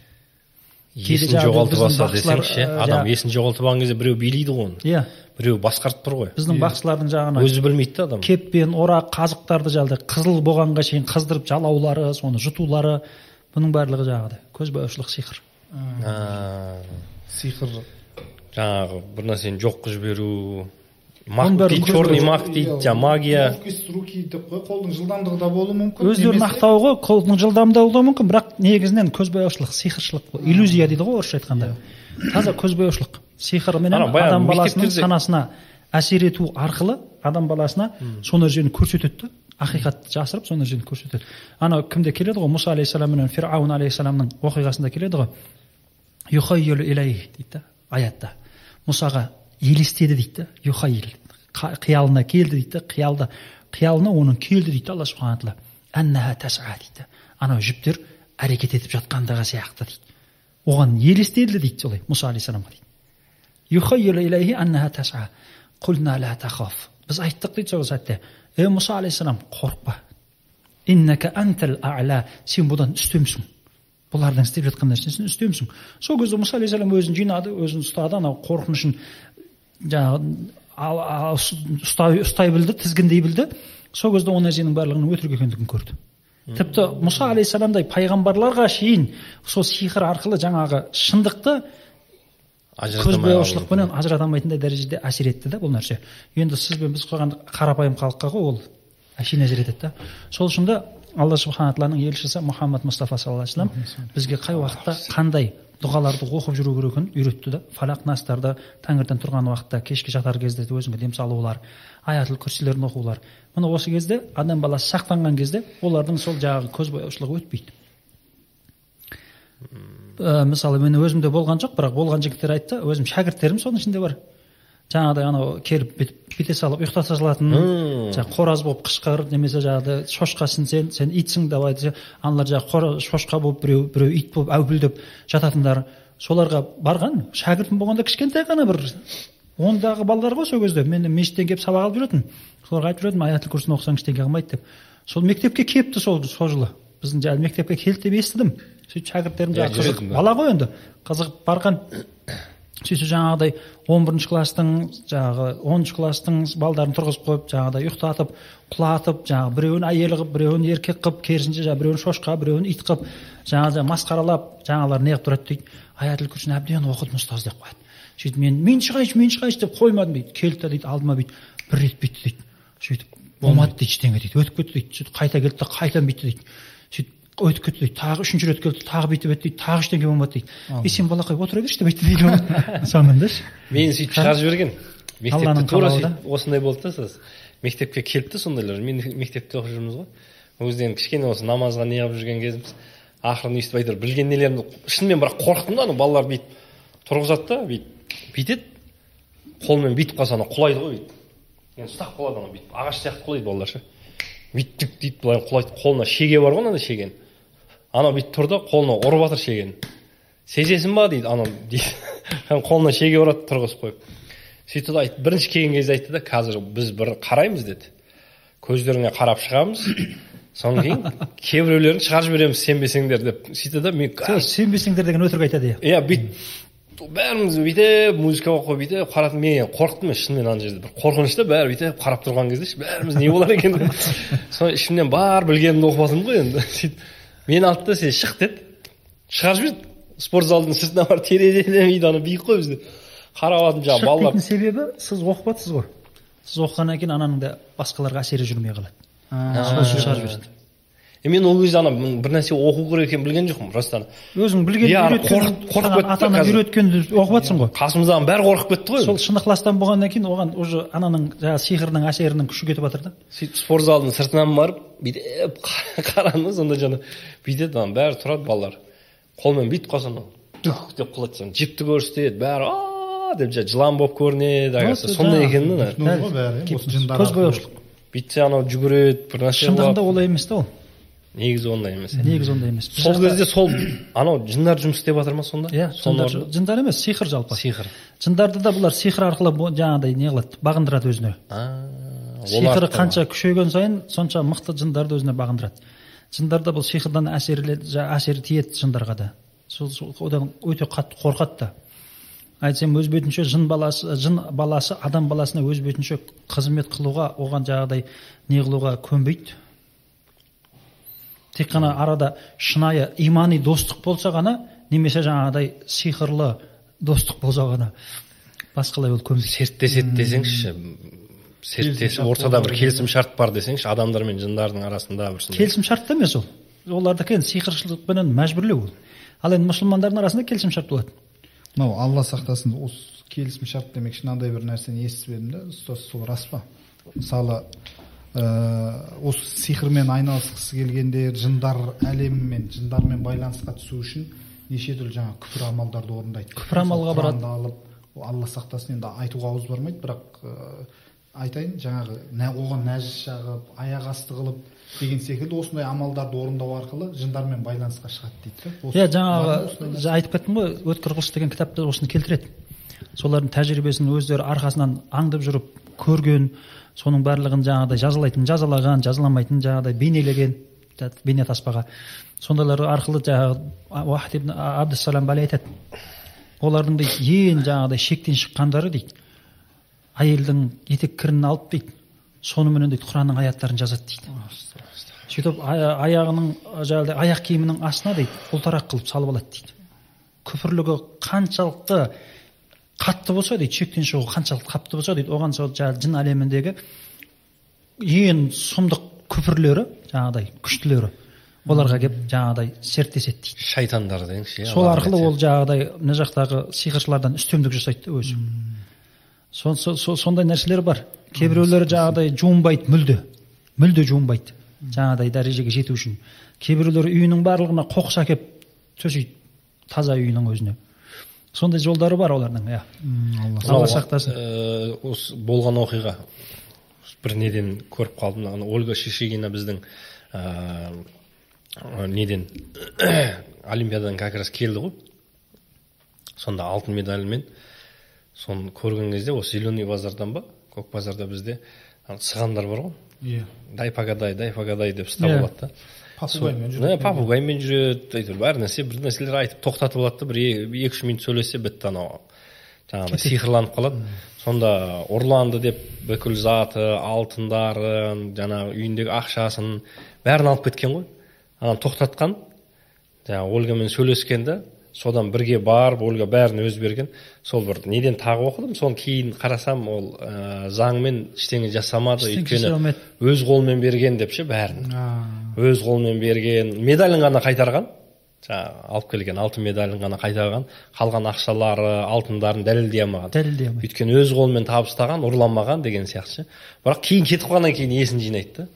Бізде ол заң, заң тұрғысынан қарастырылмаған ғой біздің елде ол. Сол себепті сиқыршыларды жауапқа тарта алмайсыз біз жаңағы тура мәкеңдікіндей базарда бір өзім жақын бір ағамның басынан өткен бір оқиға болғанда ә, базарда сауда жасап отырып осындай жаңағы сығанның жігіттері келген ғой мойнында үлкен алтын алқамен. Сөйтіп ана ағамыз алтын алқаға қараған кезде анау бүйтіп көрсетті қалай әдемі ма? деп. Осыдан ары қарай есін білмейді екен да ана алтын алқаны көрсеткеннен. Мына жаңа ақша тұрған ақшаны шығарып бере берген ғой анаған. Анау ақшаны емін еркін алған кеткеннен кейін бір бес он минуттан кейін барып есеңгіреп есін жинаған да. Бұл да бір жынменен байланысы бар ма бұл нәрсе? Сиқыр ғой. Сиқыр ғой иә. Сиқыр өзі білім ғой. Деп келеді ғой аятта. Екі періште періште жәлдегі абабил қаласына түсірілді. Яғни вавилон қаласы дейді ғой енді. Сол вавилон қаласына екі періште түсірілді. Харут және марут. Және адамдарға ол үйретілді дейді сол білім. Ол үйретілген кезде де дейді. Не үшін үйретілді десе жаңағыдай айтылып жатыр да фитна біз фитна яғни сынақ үшін жіберілдік деп ескертетін еді олар дейді алдын ала дейді. Фәлә сендер шектен шықпаңдар күфірге кірмеңдер кәпір болмаңдар бұны үйреніп деп бірінші ескертті дейді адамдарға дейді. Содан кейін де шектен шыққандар дейді. Жоқ біз кәпір болсақ та осыны үйренеміз дегеннен кейін барып үйретті дейді да.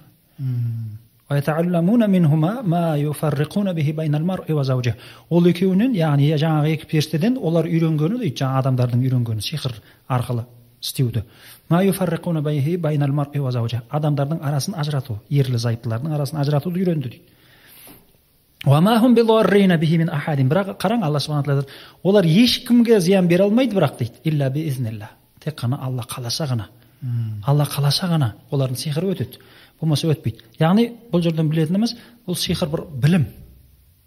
Бірақ алла субхан тағаланың тыйым салған білімі. Алла субхан тағаланың күпірлікке апаратын жәлдегі білім. Бұны да алла субхан тағаланың адам баласына ашық қылып беруі неде десе хикметі неде десе даналығы жаңағы сынақ.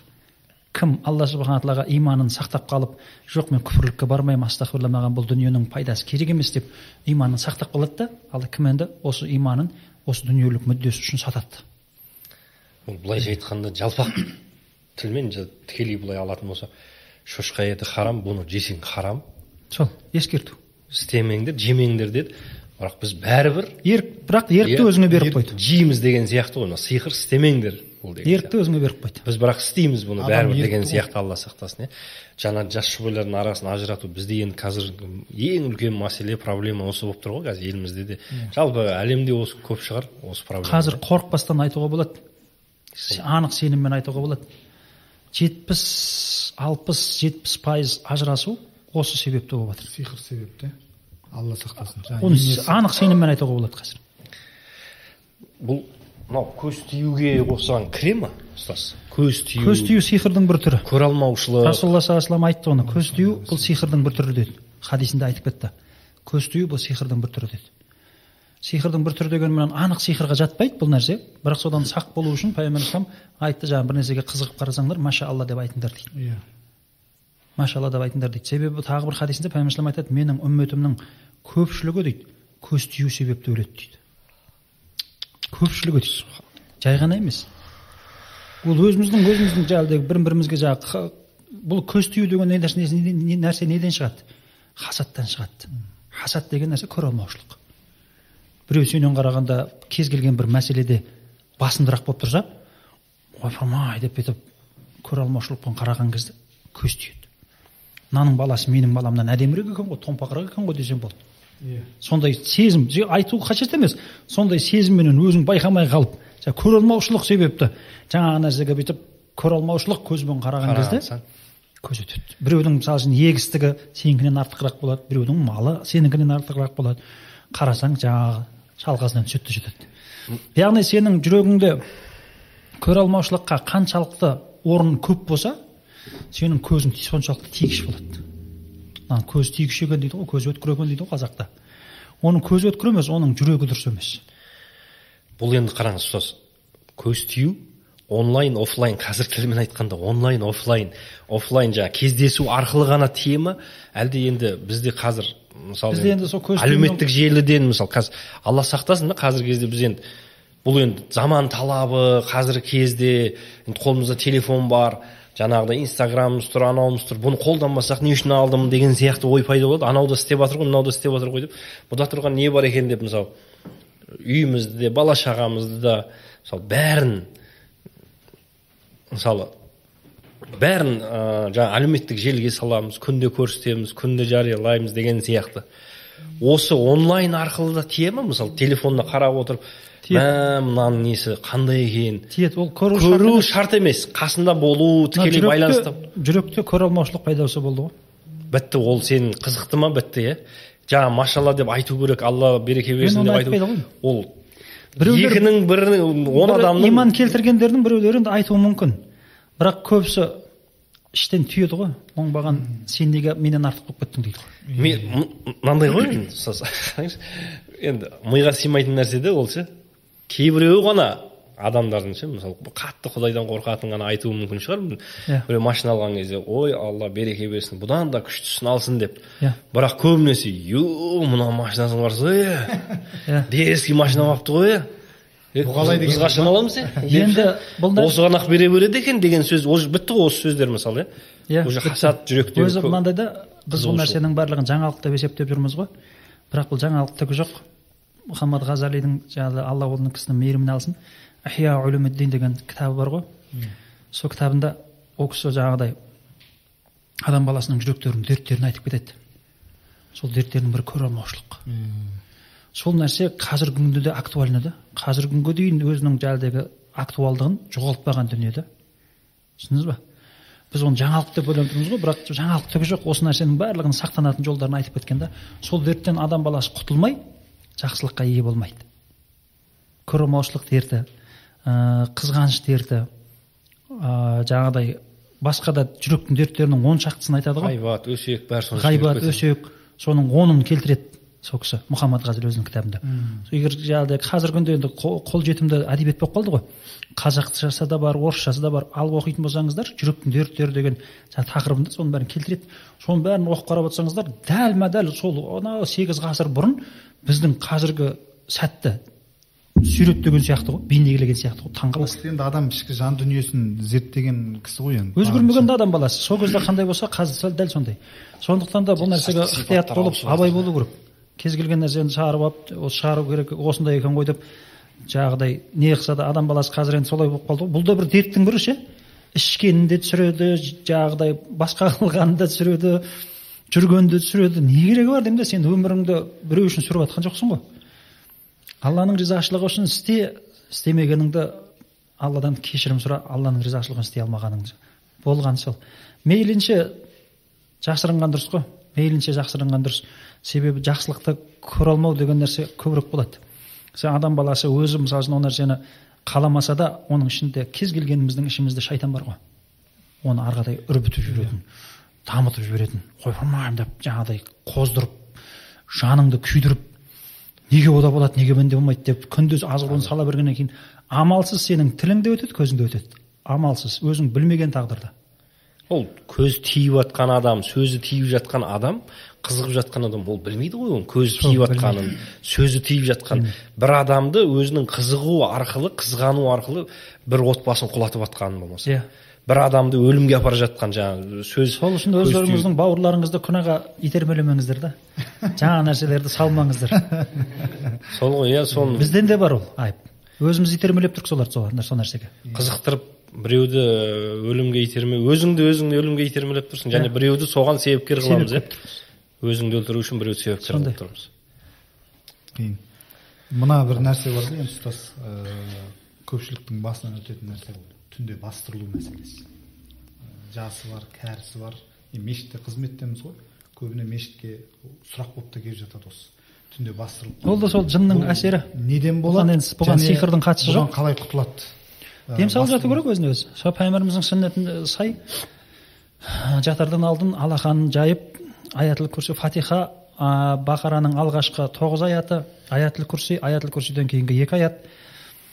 Бақара сүресінің соңғы үш аяты аман расулдан алдыңғы бір аят екі аятпен қоса.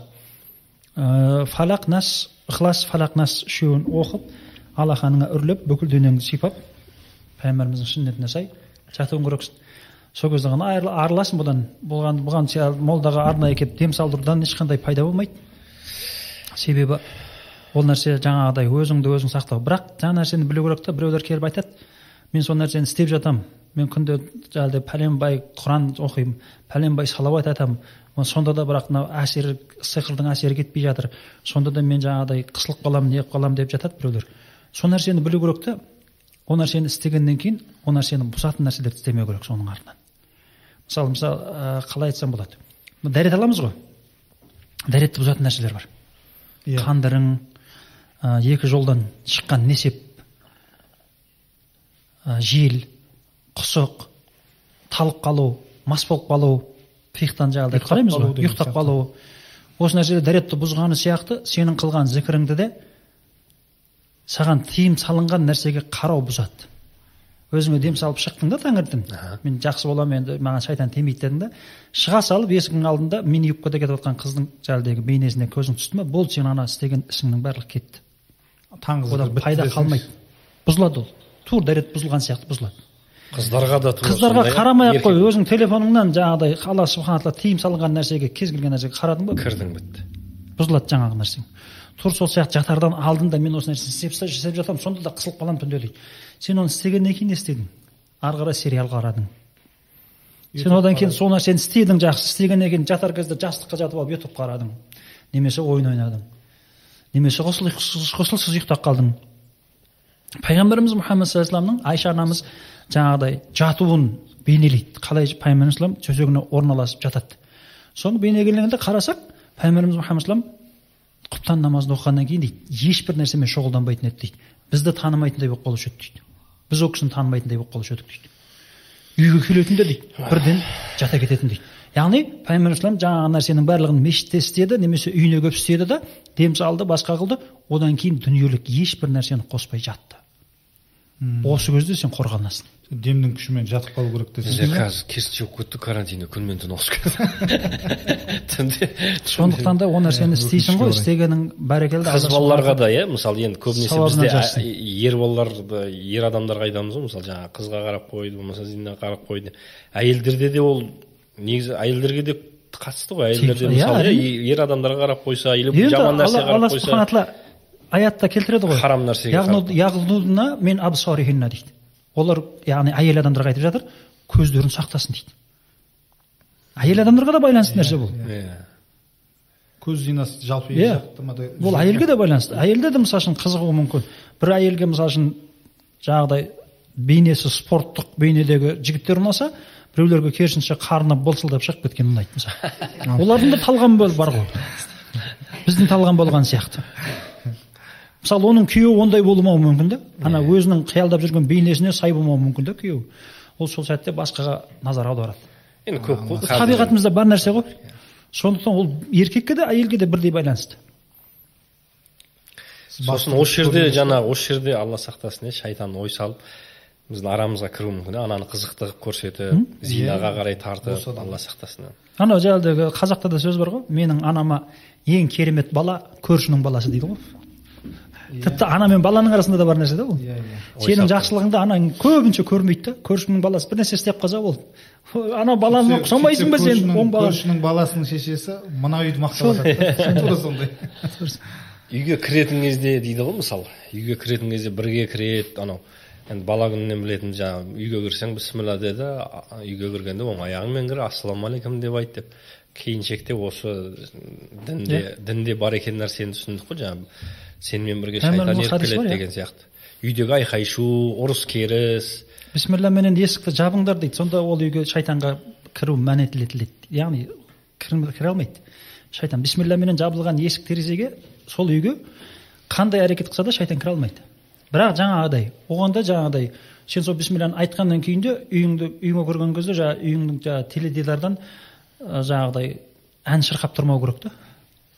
Өзінің шарттары бар да. Ол да бұзылады да. Сен айтқан нәрсең жаңағыдай бұзатын нәрсе бар да үйіңнің дәретті ішінде. бұзған сияқты. Дұғаңды бұзады дейсіз ғой. Енді мынандай не бар да ұстаз? Мешітке ол да мешітке ондай кісілер көп келеді.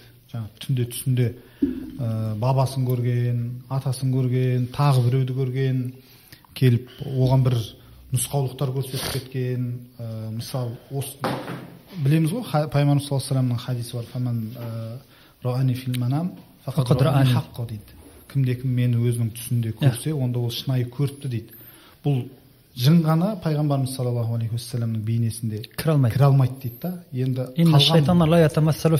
дейді ғой. Иә басқа бүкіл бейнеде кіретін болып тұр ғой. Мысалы осы келген мына мешітімізге сұрақпен келген кісілердің ә, жаңағы аталары бабалары олар сол жындар болуы мүмкін ба? Әбден мүмкін. Жаңағы сөзіміздің бір несінде айтып кеттік қой. Ата бабасының бейнесіне кіреді. Өйткені олардың жаңағы өмір сүру мерзімі де біздікінен көбірек. Үш жүз жыл мың жылға шейін. Сондықтан ол біздің жетінші ата- атамыз емес ол оныншы жиырмасыншы атамызға шейін көрген да ол соларды таниды десеңіз таниды. ол қалай қылығы бар қандай бір басынан өткен оқиғасы бар. Соның бейнесінде кіре алады дейсіз ғой. әрине әрине кіре алады. Өйткені пайғамбар жаңағы түсті екіге бөлді ғой. Шайтани түс бар деді рахмани түс бар деді. Шайтани түстер жаңағыдай шариғаттың шеңберінен шығатын мәселелерге бұйырып жатқан соған ә, нұсқаулық жасап жатқан түстер болса осы шариғаттың өлшемімен өлшеп оның шайтани түс екендігін біле аласыз? Сол сияқты алла субхана тағала түс арқылы ескерту де беруі мүмкін да. Мынандай бір амалды істеме немесе мынандай жаңағыдай бір жақсылық болайын деп тұр деген сияқты.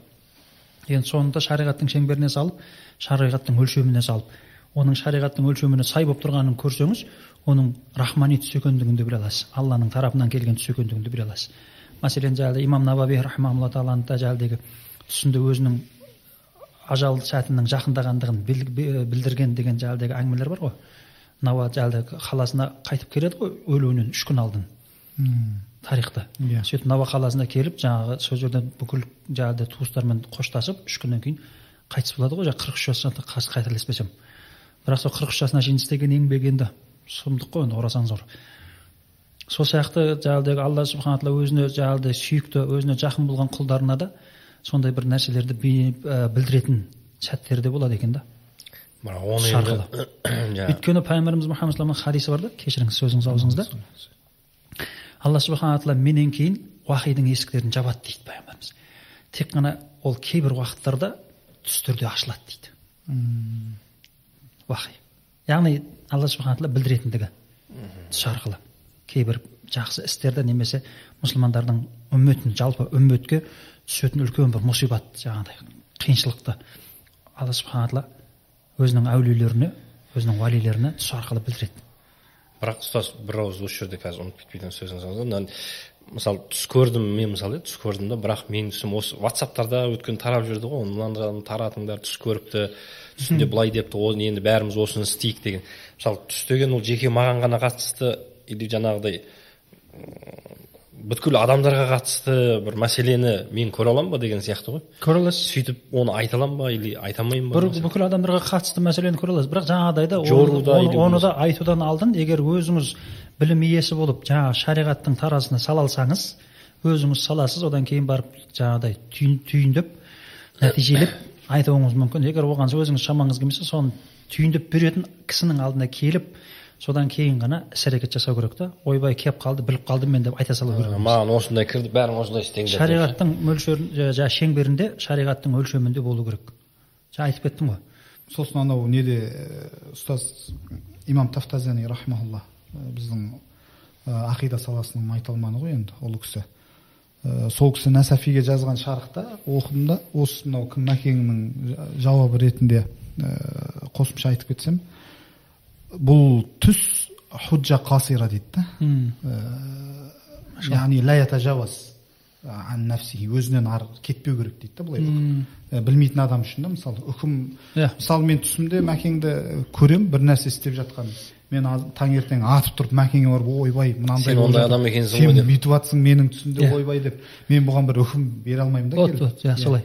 Сол нәрсе ғой сіздің айтып жатқаныңыз бір анау оқыған келтіреді ғой бірақ маған жігіт түсінде көріп әйелімен ажырасып келіп түсінде әйелін жаман нәрседе көріп уже сен деген оңбаған сен андай екенсің ғой деп ондай жағдай көп болған келеді да біреу айтады түсімде сен маған осылай істеп жатыр екенсің деп сен оңбаған сөйтіп жатрсың деп жала жабатындар жетеді мен өзімнің басымнан өткен ол бірнеше рет өткен менің осы ауырып жүргеніме сен себепсің деп келетіндер бар А, енді сіз оқисыз ғой соған біреулер со- сол арқылы кейде жаңағыдай сыртымнан жаңағы томп ішетіндер де жеткілікті.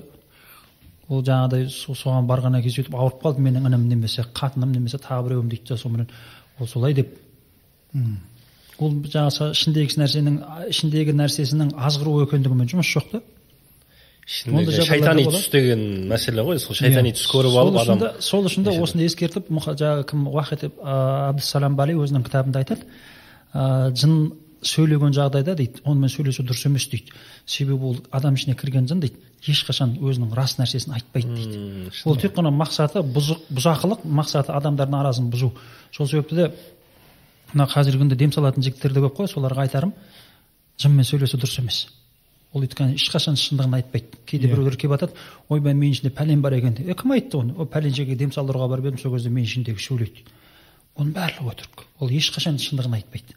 Оның мақсаты бұзақылық. Оның мақсаты араңдатушылық иә. Оның басқа мақсаты жоқ. Сондықтан олармен сөйлесудің тіпті қажеті жоқ. Оқы қалимасын қайтарғыз болды кетсін. Сосын мына нәрсені оқыдым да мен ұстаз. Сол жынмен сөйле ода мақсат дейді жындардың жаңағы әңгімеге тартудағы мақсат. Ананы құран оқудан тоқтату дейді. Иә ол да бар. Себебі анау құран оқығаннан мынау Қиналады. ғой ішінде қиналады. Ол да бар. Осыны тоқтату мақсатында диалогқа келеді екен да. Әдейі сөйлесу ананы әдейі әңгімеге тартып бы анаған барынша құран оқытпау да жаңағы дем салып осы жатқан енді ғайып қой ұстаз бұл нәрселер. Біз білмейміз ол жақта. Мысалы сіз құран оқисыз ғой. Дем салып құран оқыған кезде ол жындар ол құраннан күйе ма жаңағыдай оларға бір.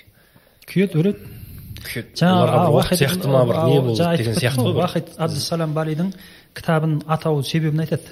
Саурамул баттар деп атауын.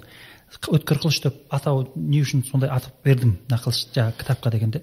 Ол кісі айтады құран бұл семсер дейді бірақ ол семсерді дейді.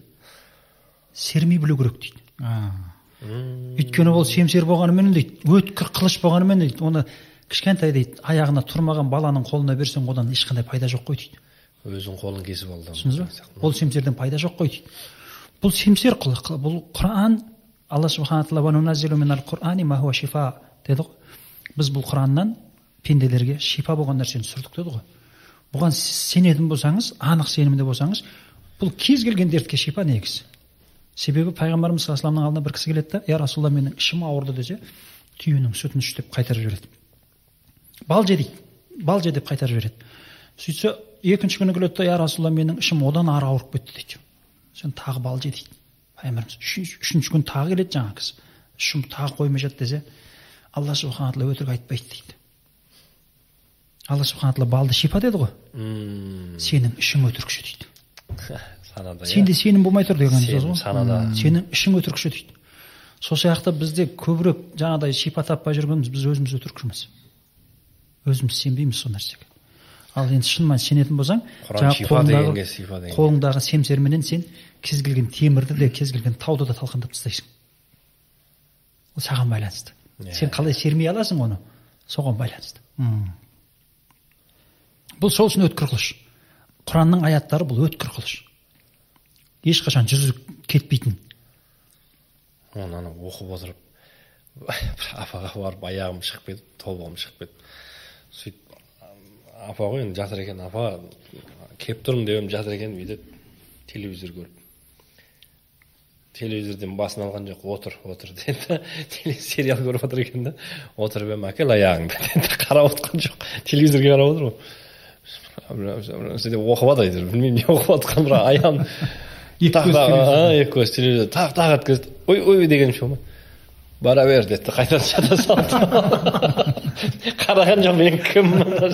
Екі көз бұл жерде анау сенімге байланысты дейсіз ғой сол аяғым кейін баса алмай жүрдім ғой ол жазылмады да. Сосын айтамын «А- апа чисто ықыласпен неғылмады ғой? Сериалда болған сериалдың темасымен кетіп қалды сол жерде бір ананы дейтін ба біреудің аяғын салып жіберді негізінен. Ой жаңағы айтып тұрғаным егер сен сенбей ойың бәрі басқа жақта болып дем салып отқан кезде мысалы құран оқысаң вообще миыңда құран шипа болады деген жоқ. Әшейін бүйтіп бүйтіп оқисың ол саған дарымауы да мүмкін да шипасы иә енді адамға қандай жағдайда жын кіреді ұстаз А, соның себеп салдарын жаңа айтып кеттім ғой бірінші себебі негізгі себебі сиқыр. Сиқыр қазіргі күнде дамып кеткен дүние ғой. Енді теледидарды қоссаң да жолыңды ашамын бизнесіңді жүргізіп беремін екеуіңді ажыратып жіберемін екеуіңді қосып жіберемін деген сияқты рекламаны жасап жатады. Оған заңды түрде тосқауыл жоқ бізде. Заң қарастырылмаған мүлде ондай. Сондықтан оларды заңды түрде жауапқа да тарта алмайсың. Екіншіден білімсіздік. Өзі жалпы мұсылман халқымыз деп есептейміз ғой өзімізді. Бірақ осы мәселеде шариғаттың көптеген басқа мәселелерінде де біліміміз болмағандықтан осы нәрсеге көбірек жүгініп жатады. Тіпті кейбір кезде жиырма жылдап он жылдап намаз оқыған адамдардың өзі әсіресе көбірек әйел кісілер осы нәрсеге жүгініп жатады. Күйеуін қайтару үшін деп немесе жаңағыдай басқа деп басқаларға қарамасын деп. Әсіресе мына студенттердің арасында жаңағы кім мадияр бауырым айтпақшы жаңағы бір қыз жынданып кетті деп жатыр ғой. Көбірек студенттер келеді жаңағыдай мәселемен. Жаңағы бір қыз жігітті жақсы көріп қалады сөйтіп жаңағыдай приворот заворот жасайтындарға барады. Ана жігітті маған қаратып бер деп. Сөйтіп өзі қуып кетеді ақырында. Енді бір жігіттер керісінше жаңағы бір қызды жақсы көріп қалады да оны қаратамын деп жүріп өзі жаңағыдай ауырады. Ол қызға да зиян тиеді өзіне жаңағы өзі де оңбайды. Көбірек жаңағыдай айналып келгенде білімсіздіктің арқасы. Ол сиқыр харам екендігін білмейді. Оның харам екендігін естіген болса да соны өзінің саналы түрде қабылдағысы келмейді кейде біреулер. Көбірек жаңағыдай базарларға барсаң өзіміздің кәдімгідей сақал қойған орамал таққан қыздарымыздың өзі алдына жаңағыдай қайдағы бір ырымдап бір анау тиын ұстаған бақаны қойып жатады бірнәрсе қылып жатады. Қызыл шүберек байлап жатады. Адыраспан жаңағы қызыл бұрыш қойып жатады. Ей не не көрінді десең жаңағыдай бір нәрсе ойбай осындай жақсылық болады екен осыдан деп жатады. Бұның барлығы айналып келгенде білімсіздіктен. Сол нәрседен бейхабар болғандықтан. Содан бірақ жын тиеді дейсіз ғой? Содан жын тиеді көбірек. Сосын анау қатты қорыққаннан қатты қуанғаннан деп жатады ғой мысалы. Ол да адамның рухани әлсіздігі. Өйткені адам рухани күшті болатын болса яғни рухани күштілік деген ә, біздің түсінікте исламның түсінігінде бұл имандылық. Мысалы бізде жаңағыдай біреулерді философ мықты философтарды көрсе мықты әдебиетшілерді көрсе рухани бай адам деп жатады ғой. Біздің исламның түсіндегі рухани бай адам кім? Тақуа адам. Тақуа адам. Алладан шынайы қорқатын адамды бізді рухани бай дейді рухани күшті адам дейді. Міне сондай рухани күштілік болмағандықтан рухани әлсіздік болғандықтан адамдар осы нәрседен көбірек зардап шегіп жатады. Егер ол рухани күшті болатын болса жын оған кірмек түгілі қасына маңына жуа алмайды. Жолай алмайды ол. Себебі адам баласын алла субхана тағала бірақ аяттарда жан деген нәрсе жоқ. Мен адам баласын құрметті еттім үстін еттім деген аят бар да? Жын баласын жаңағы үстін, үстін еттім деген нәрсе жоқ. Адам баласы өзінің жаратылысында алла субхана тағаланың берген нығметінде бұл дүниедегі ең үлкен жаратылыс ең ұлы жаратылыс. Сүйікті жаратылыстар иә. Қашан ол өзінің жаңағыдай рухани азығын ұстап қала алса? Тақуалығын ұстап қала алса. Ал қашан бұл нәрседен бұл жолдан кететін болса оны жаңа айтқанымыздай жыннан болған шайтан да адамнан болған шайтан да өзіне ойыншық қылып алады. Көбірек бұнда адамның рухани азығының жоқтығынан болады. Неге ол қорқады? Неге ол қатты қуанады? Себебі бізде де жаңа айтады ғой жаңа мұхаммад ғазали рахмаулла тағаланың кітабының өзінде келтіреді. Адам басына бір жаңағы нығмет келгенде қатты қуанса дейді шексіз қуанса дейді. Немесе басына бір қайғы түскен кезде жаңағы қатты қайғыға түсіп кетсе ол ныфақтың белгісі дейді екіжүзділіктің белгісі дейді. Қараңыз яғни бізде бір қалыптылық болу керек. Өзін өзін жоғалтып алмау деген иә. Яғни жүрек деген нәрсе осы дүниелік жақсылықпенен қуанатын осы дүниелік қайғыменен қайғыратын нәрсе емес болу керек. Сол үшін сол жүрекке жетсеңіз көрсек біз шүкір етеміз. Иә. Қайғы келсе сабыр қыламыз сол үшін біз қатты қуанбаймыз да қатты шектен шығып қайғырмаймыз да ештеңеден қорықпаймыз да. Егер тақуалығымыз орнында болса. Ал енді сондай сәтке келетін болсақ бізге ол ешкім де зиян бере алмайды. Жын түгіл адам да басқа да зиян бере алмайды. Бізге басымызға келіп түсетін зиянның барлығы осыдан. Жүрегіміз орныққан емес жүрегіміз орнында емес. Не былай бытовой дейді ғой. Тіке бүйтіп қазіргі. Түсінікті тілмен қарасақ былайынан не сияқты ана бір қатты қуанған кезде басып келе қызыл светофор жанса бух деп өтіп кете салып деп өтіп кете салған сияқты. Заңды бұзып өтіп кеттің бітті. Бәрібір сен заңмен не қыласың? Камераға түстің штрафың төлейсің жаңағы қамалатын болсаң қамаласың авария болса төлеп жаңағы жатып шығасың. Қатты қорыққанда да жаңағы деп өтіп кеттің. Тағы да солай қатты қуанғанда да қуанып келатсың бірақ светофорға тоқта қатты ашуланғанда да сөйтесің. Қатты ашуланғанда да сондай иә шарттарды сақтамасаң күнәға өтіп кетесің. Адамдар көбірек неге ішіп кетеді? Неме, немесе немесе жаңағыдегі неге нашақорлыққа неше түсіп кетеді? Депрессияға түстім дейді да. тепе теңдік болмағандықтан яғни біреуінің әйелі кетіп қалады біреуінің жаңағыдегі болып тұрған бизнесі болмай қалады. Қайғы менен ашу негізгі мінез пайғамбарымыз мұхаммад салламға келіп бір кісі сахабалардың біреуі я расулалла мен жәннатқа кіретін бір амал үйретші деген кезде ля тағдоб ля тағдоб ля тағдоб деп қайталауы сол еді ашуланба ашуланба ашуланба деді болды жәннатқа кіретін ең үлкен себептердің бір себебі ашуланбау өзіңді тежеу абай атамыздың да айтатыны сол жаңағыдегі ашу жаңағы дұшпан ақыл дос деп ашу деген нәрсе адамның бүкіл игілігінің барлығын жоқ қылып жойып жіберетін дүние да алла субхана тағаланың алдында да адам баласының алдында да. Ішің бос болмау деген ұстаз енді қараңызшы қазір бүйтіп логика келіп жатыр да анау. Жаңа сіз айттыңыз ғой шайтан лағнеті кезінде анау адам жаратқан кезде ыдысты ұрып көрді іші пық пық деп бос болып тұрды тақ тақ деп. Кейін бірақ алла тағала оған жаңағыдай ілім берді білім берді адамның іші толды жүрегі толды ғой алла деді білім деді. Ол кезде бос емес та. Алланы тану білім берген кезде бос емес. Енді біздің ішіміз қазір алла деген кезде толып тұр жүрегіміз. Азғырамайды бізді не қыламайды ал біз қатты қуанған кезде жаңа айтып отырмын анау шетелдіктерде мен білмей қаламын дейтін жері бар ғой. Біз енді мына өнерде иә. Деп короче қуып кетеді ғой енді. Қуып кеткен кезде өз өзін жоғалтып алу дейді ғой. Ночной клубтарда рок әсіресе жын тиетін жерлер ғой енді былайша айтқанда. Клубтар түнгі клубтар мысалы алла сақтасын ол жерде жаңағыдай шекарадан шығып кетіп жатасың. Өйткені жабық қараңғы сені ешкім көріп тұрған жоқ сияқты. Ана жердің бәрінде сондай саған атмосфера создавать етіп қойған жаңағыдай қуу керек деген сияқты. Шектен шығып кететін кезде жаңағы ыдыс босап қалған сияқты. Аллаға деген махаббат шығып кеткен кезде іші бос болып қалады деген сияқты. Сол кезде тиетін сияқты ғой жаңа қатты қуанғанда да сондай ғой қатты қуанғанда сондай. Және қатты қайғырғанда да. Шашын жұлып жылап ешкімді тыңдай алмай туған баласын болмаса жаңағы туған бауырыңды да біреулер қатты шындаған кет өлтіремін әкең. Жолама деп жаңағыдай бір болады ғой моменттер yeah. Иә. ешкім танымай қалып анау көбінесе жастардың арасында болады. Арқасы бар дейді ғой. Анау бір отырады отырады да бір кезде қойсайшы деген е мен өз өзімді ұстай аламын білемін ғой деп ше? Өз өзімді ұстай аламын деп бір белгілі жерге дейін біліп тұр да ары қарай уже ары қарай біреуді өлтіріп қоюы да мүмкін анау талдырып тастауы мүмкін. Не істедің деген кезде иә басым істемей қалды дейді ғой білмей қалдым мен. Иә. Не істеп қойдың деп отырады ғой. Жаңа ары қарай уже жаңа керек қой ішті шайтан лағнет жынын алып кететін сияқты да бір. бір жерге дейін келеді есін біледі. Ары қарай жаңа пышақты сілтеме деген бар ғой бізде. Иә yeah, сен бүйтсең ары қарай шайтан сені ей шайтан игеріп кетеді деп. Сол анау бүйтіп бүйтіп ойнап тұрады да қойсайшы десең е мен өз өзімді ұстай аламын ғой не болды саған? Өзім білемін ғой деп жаңа ары қарай тығып алған кезде уже не болды десең білмей қалдым қалай қалай кіріп кеткенін байқамай қалдым ғой деген сияқты.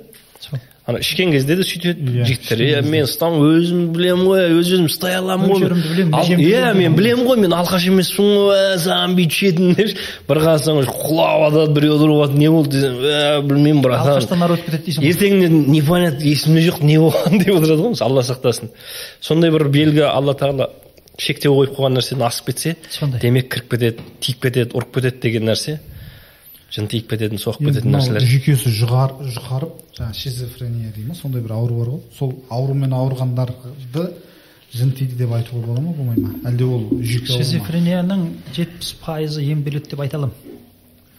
Осы дем салу жолы дем салу жолы машалла. Шизофрения таза жын тию.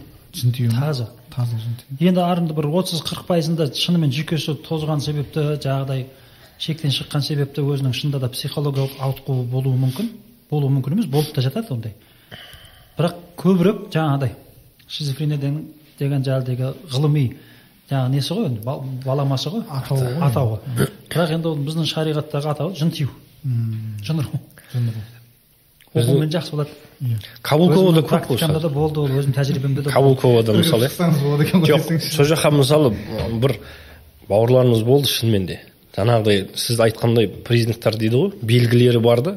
Негізі жаңағыдай құран оқыса көтеріліп кететіні мешітке қарай не қылмайтыны біреу жаңа біреудің атын атасаң сол жаққа апарайық десең ей деп кететіні. Мысалы сондай бір бауырларымызды апарып мысалы неге тығып тастады? Жаңағы туысқандары апарып ше ағалары қинап каулковға апарып тастады. Ол жақтан ол кәдімгідей ана укол салып салып салып. ғылымын зерттейтін жаңағыдегі ғалымдар да жаңағы психолог мамандар психотерапевттер жалпы олардың өздері бұл мәселе әлі толық зерттелмеген деген тұжырымды көп айтады. Шизофрения ма? Өйткені жаңағыдай бұған толық анық бір жаңағыдай лечение жоқ дейді. Анық бір емдеу жоқ дейді. Тек әлсіретіп ұстап отыр жаңағы иә әлсіретіп көтеріліп кетпес үшін. көбірек жаңағыдай беріп жатқан дәрілерінің несі құрамында наркологиялық жаңағыдай құрам көбірек болады. Ананың жаңағы санасын ұйықтатып тастайды да былайша айтқанда. Оны тыныш болғаны жақсы да оларға. Иә. Көбірек жаңағыдай айтады бұл жаңағыдай миын отключать етсек жаңағы өшіріп тастасақ жаңағы дәрі арқылы бұл миы өзімен өзі жаңағыдай не Дамиды қайтадан. орнына келеді деген сияқты сөздер сө- сөздер айтады. Бірақ жаңағыдай басқа зардабы зардап беретін жағы да қарастырылмаған да көбірек. Ол жаңағы бауырлары кетіп жатады сол аурудың қатты несі жаңағы беріп жатқан дәрілерінің зияны себепті бауыры кетіп қалып жатады біреулердің біреулердің шынымен ақыр нәтижесінде жүйкесі тіпті анау өзіне қалпына келмек түгілі одан ары күйреп кетіп жатады. Тіпті оған қанша дем салсаң да кейін өзіне келмей жатады. Әсіресе мына жеті сегіз жыл он жыл жаңағыдай больницамен больница жүрген кісілерде сондай нәрсе көбірек байқалады. Дер кезінде құпталатын болса ол өзінің пайда болған кезінде сол жаңағы белгілері шизофрения деп жатады ғой. Соның белгілері пайда болып жатқан кезде дер кезінде құпталып дем салып жатады тез жазылып кетеді. Тез ақ жазылып кетеді. Бұл бірінші рухани ауру да қарасақ иә сонда. Иә. рухани ауру болып тұрады тән ауруы емес. Ал енді ана жаққа больницаға барғаннан кейін оған дәрі сала бергеннен кейін ол уже тән ауруына тамырлар шаршаған бүйрегі отырып жүрекке нагрузка. Рухани ауруды рухани жолменен емдеудің орнына рухани ауруды тәни жолменен тәндік жолменен емдеудің жолын іздейді да сол себепті де қателік болады. Иә. Мынау жаңағы фалшы балгерлерде бұлар енді осы әлеммен жұмыс істейтіндер ма? Барып бір бірін мысалы ауру келіп жатады ғой біреуге. Ауру келген кезде қарап отырып айта береді ғой сен белің ауырады біз енді алла сақтасын бір құдағиымыз ойбай пәленшеге бару керек екен қызылордада пәлен бар екен деп содан жаңағы пойызға мініп сөйтсе пойыздан күтіп алыпты енді ана ар жағы бір үш жүз километр ма төрт жүз километр ма емдейтін жағы ше қызылордадан қызылордадан түссем бір екі жігіт тұр сіз ба пәленше деген деп айтты ойбай алла мені біліп тұр келіп тұрғанымды мені біліп тұр ана баланың әруағы мықты екен адамдар жіберіпті мен айтқан жоқпын оған мені күтіп алып алып кетті апарды сол жерге барып емдеді мен жаңағы екі немді тастадым балдағымды тастадым сол жерде ем дегеннен маған айтты екі сағат тұра тұрыңыз. Мен ата сіздің аталарыңыз бен менің аталарым сөйлесіп жатыр деп айтты дейді да. Содан жаңағыдай екі сағат сөйлесті күтіп оттым шыққаннан кейін айтты апа балдағыңызды тастаңыз кете беріңіз деп айтты. Сіздің аталарыңыз күшті екен әрең жеңді ғой деп айтты деп ше. Содан жаңағы кеттім дейді. осы мәселе. Айтып отыр да жаңағы мәселеміз ғой. Расында адамдардан болған ер кісілердің кейбірі жындардан болған ер кісілердің кейбіріне жүгінеді дейді. Түсіндіңіз ба? Балгерлердің ісін айтып отыр алла субхана тағала. Анық. Міне мен ер адам адамның адам баласын ер адаммын да сіздің ішіңіздегі отырған жын ер адамына жүгініп отырмын да мен. Мынада не бар? Ішімде немен келді ол анау маған айтады сыбырлайды. Сол сыбырлағаннан кейін не болады дейді? Шектен шығуы асады дейді. Мына менің шектен шығуым асады біліп қойдым. Ой мен сенің ішіңде не барын біліп қойдым қайдан келгенін білемін мен сенің түсіндіңіз ба шайтанға одан ары жаңағы жол ашады не арқылы бірін біріне жүгіну арқылы бірін біріне сыбырлау арқылы адамдар біз білмейміз бірақ анау екеуі сөйлесіп жатады ғой ішіндегілер иә олардың жаңағыдегі волнасына түспейсің да сен олардың өздерінің волнасы бар бірақ ол құлағына атаңмын деп жаңағы бағанағы айтқанда мен сенің пәленше атаңмын пәленше түгеншемін деп. Иә солай түсіне атасы болып кіріп құрық құрықтайды ғой былайша айтқан кезде. Бірақ бұл біздің қанымызда бар нәрсе ме жоқ нәрсе ме ұстаз енді пайғамбар айтты ғой маджраддам деді ғой. Шайтан адамның денесінде қанның айналымыменен айналып жүреді деді ғой. Қанның айналуыменен айналып жүреді ішінде. Алла субхана тағала оларға сондай да мүмкіншілік берді да.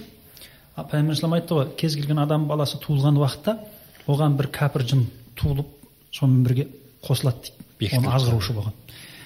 Және бір періште жанына қосылады деді. Оны жаңағыдай жақсылыққа үгіттеп отырушы деді. Ал енді менің жыныма келетін болсақ менікі иман келтірген деді.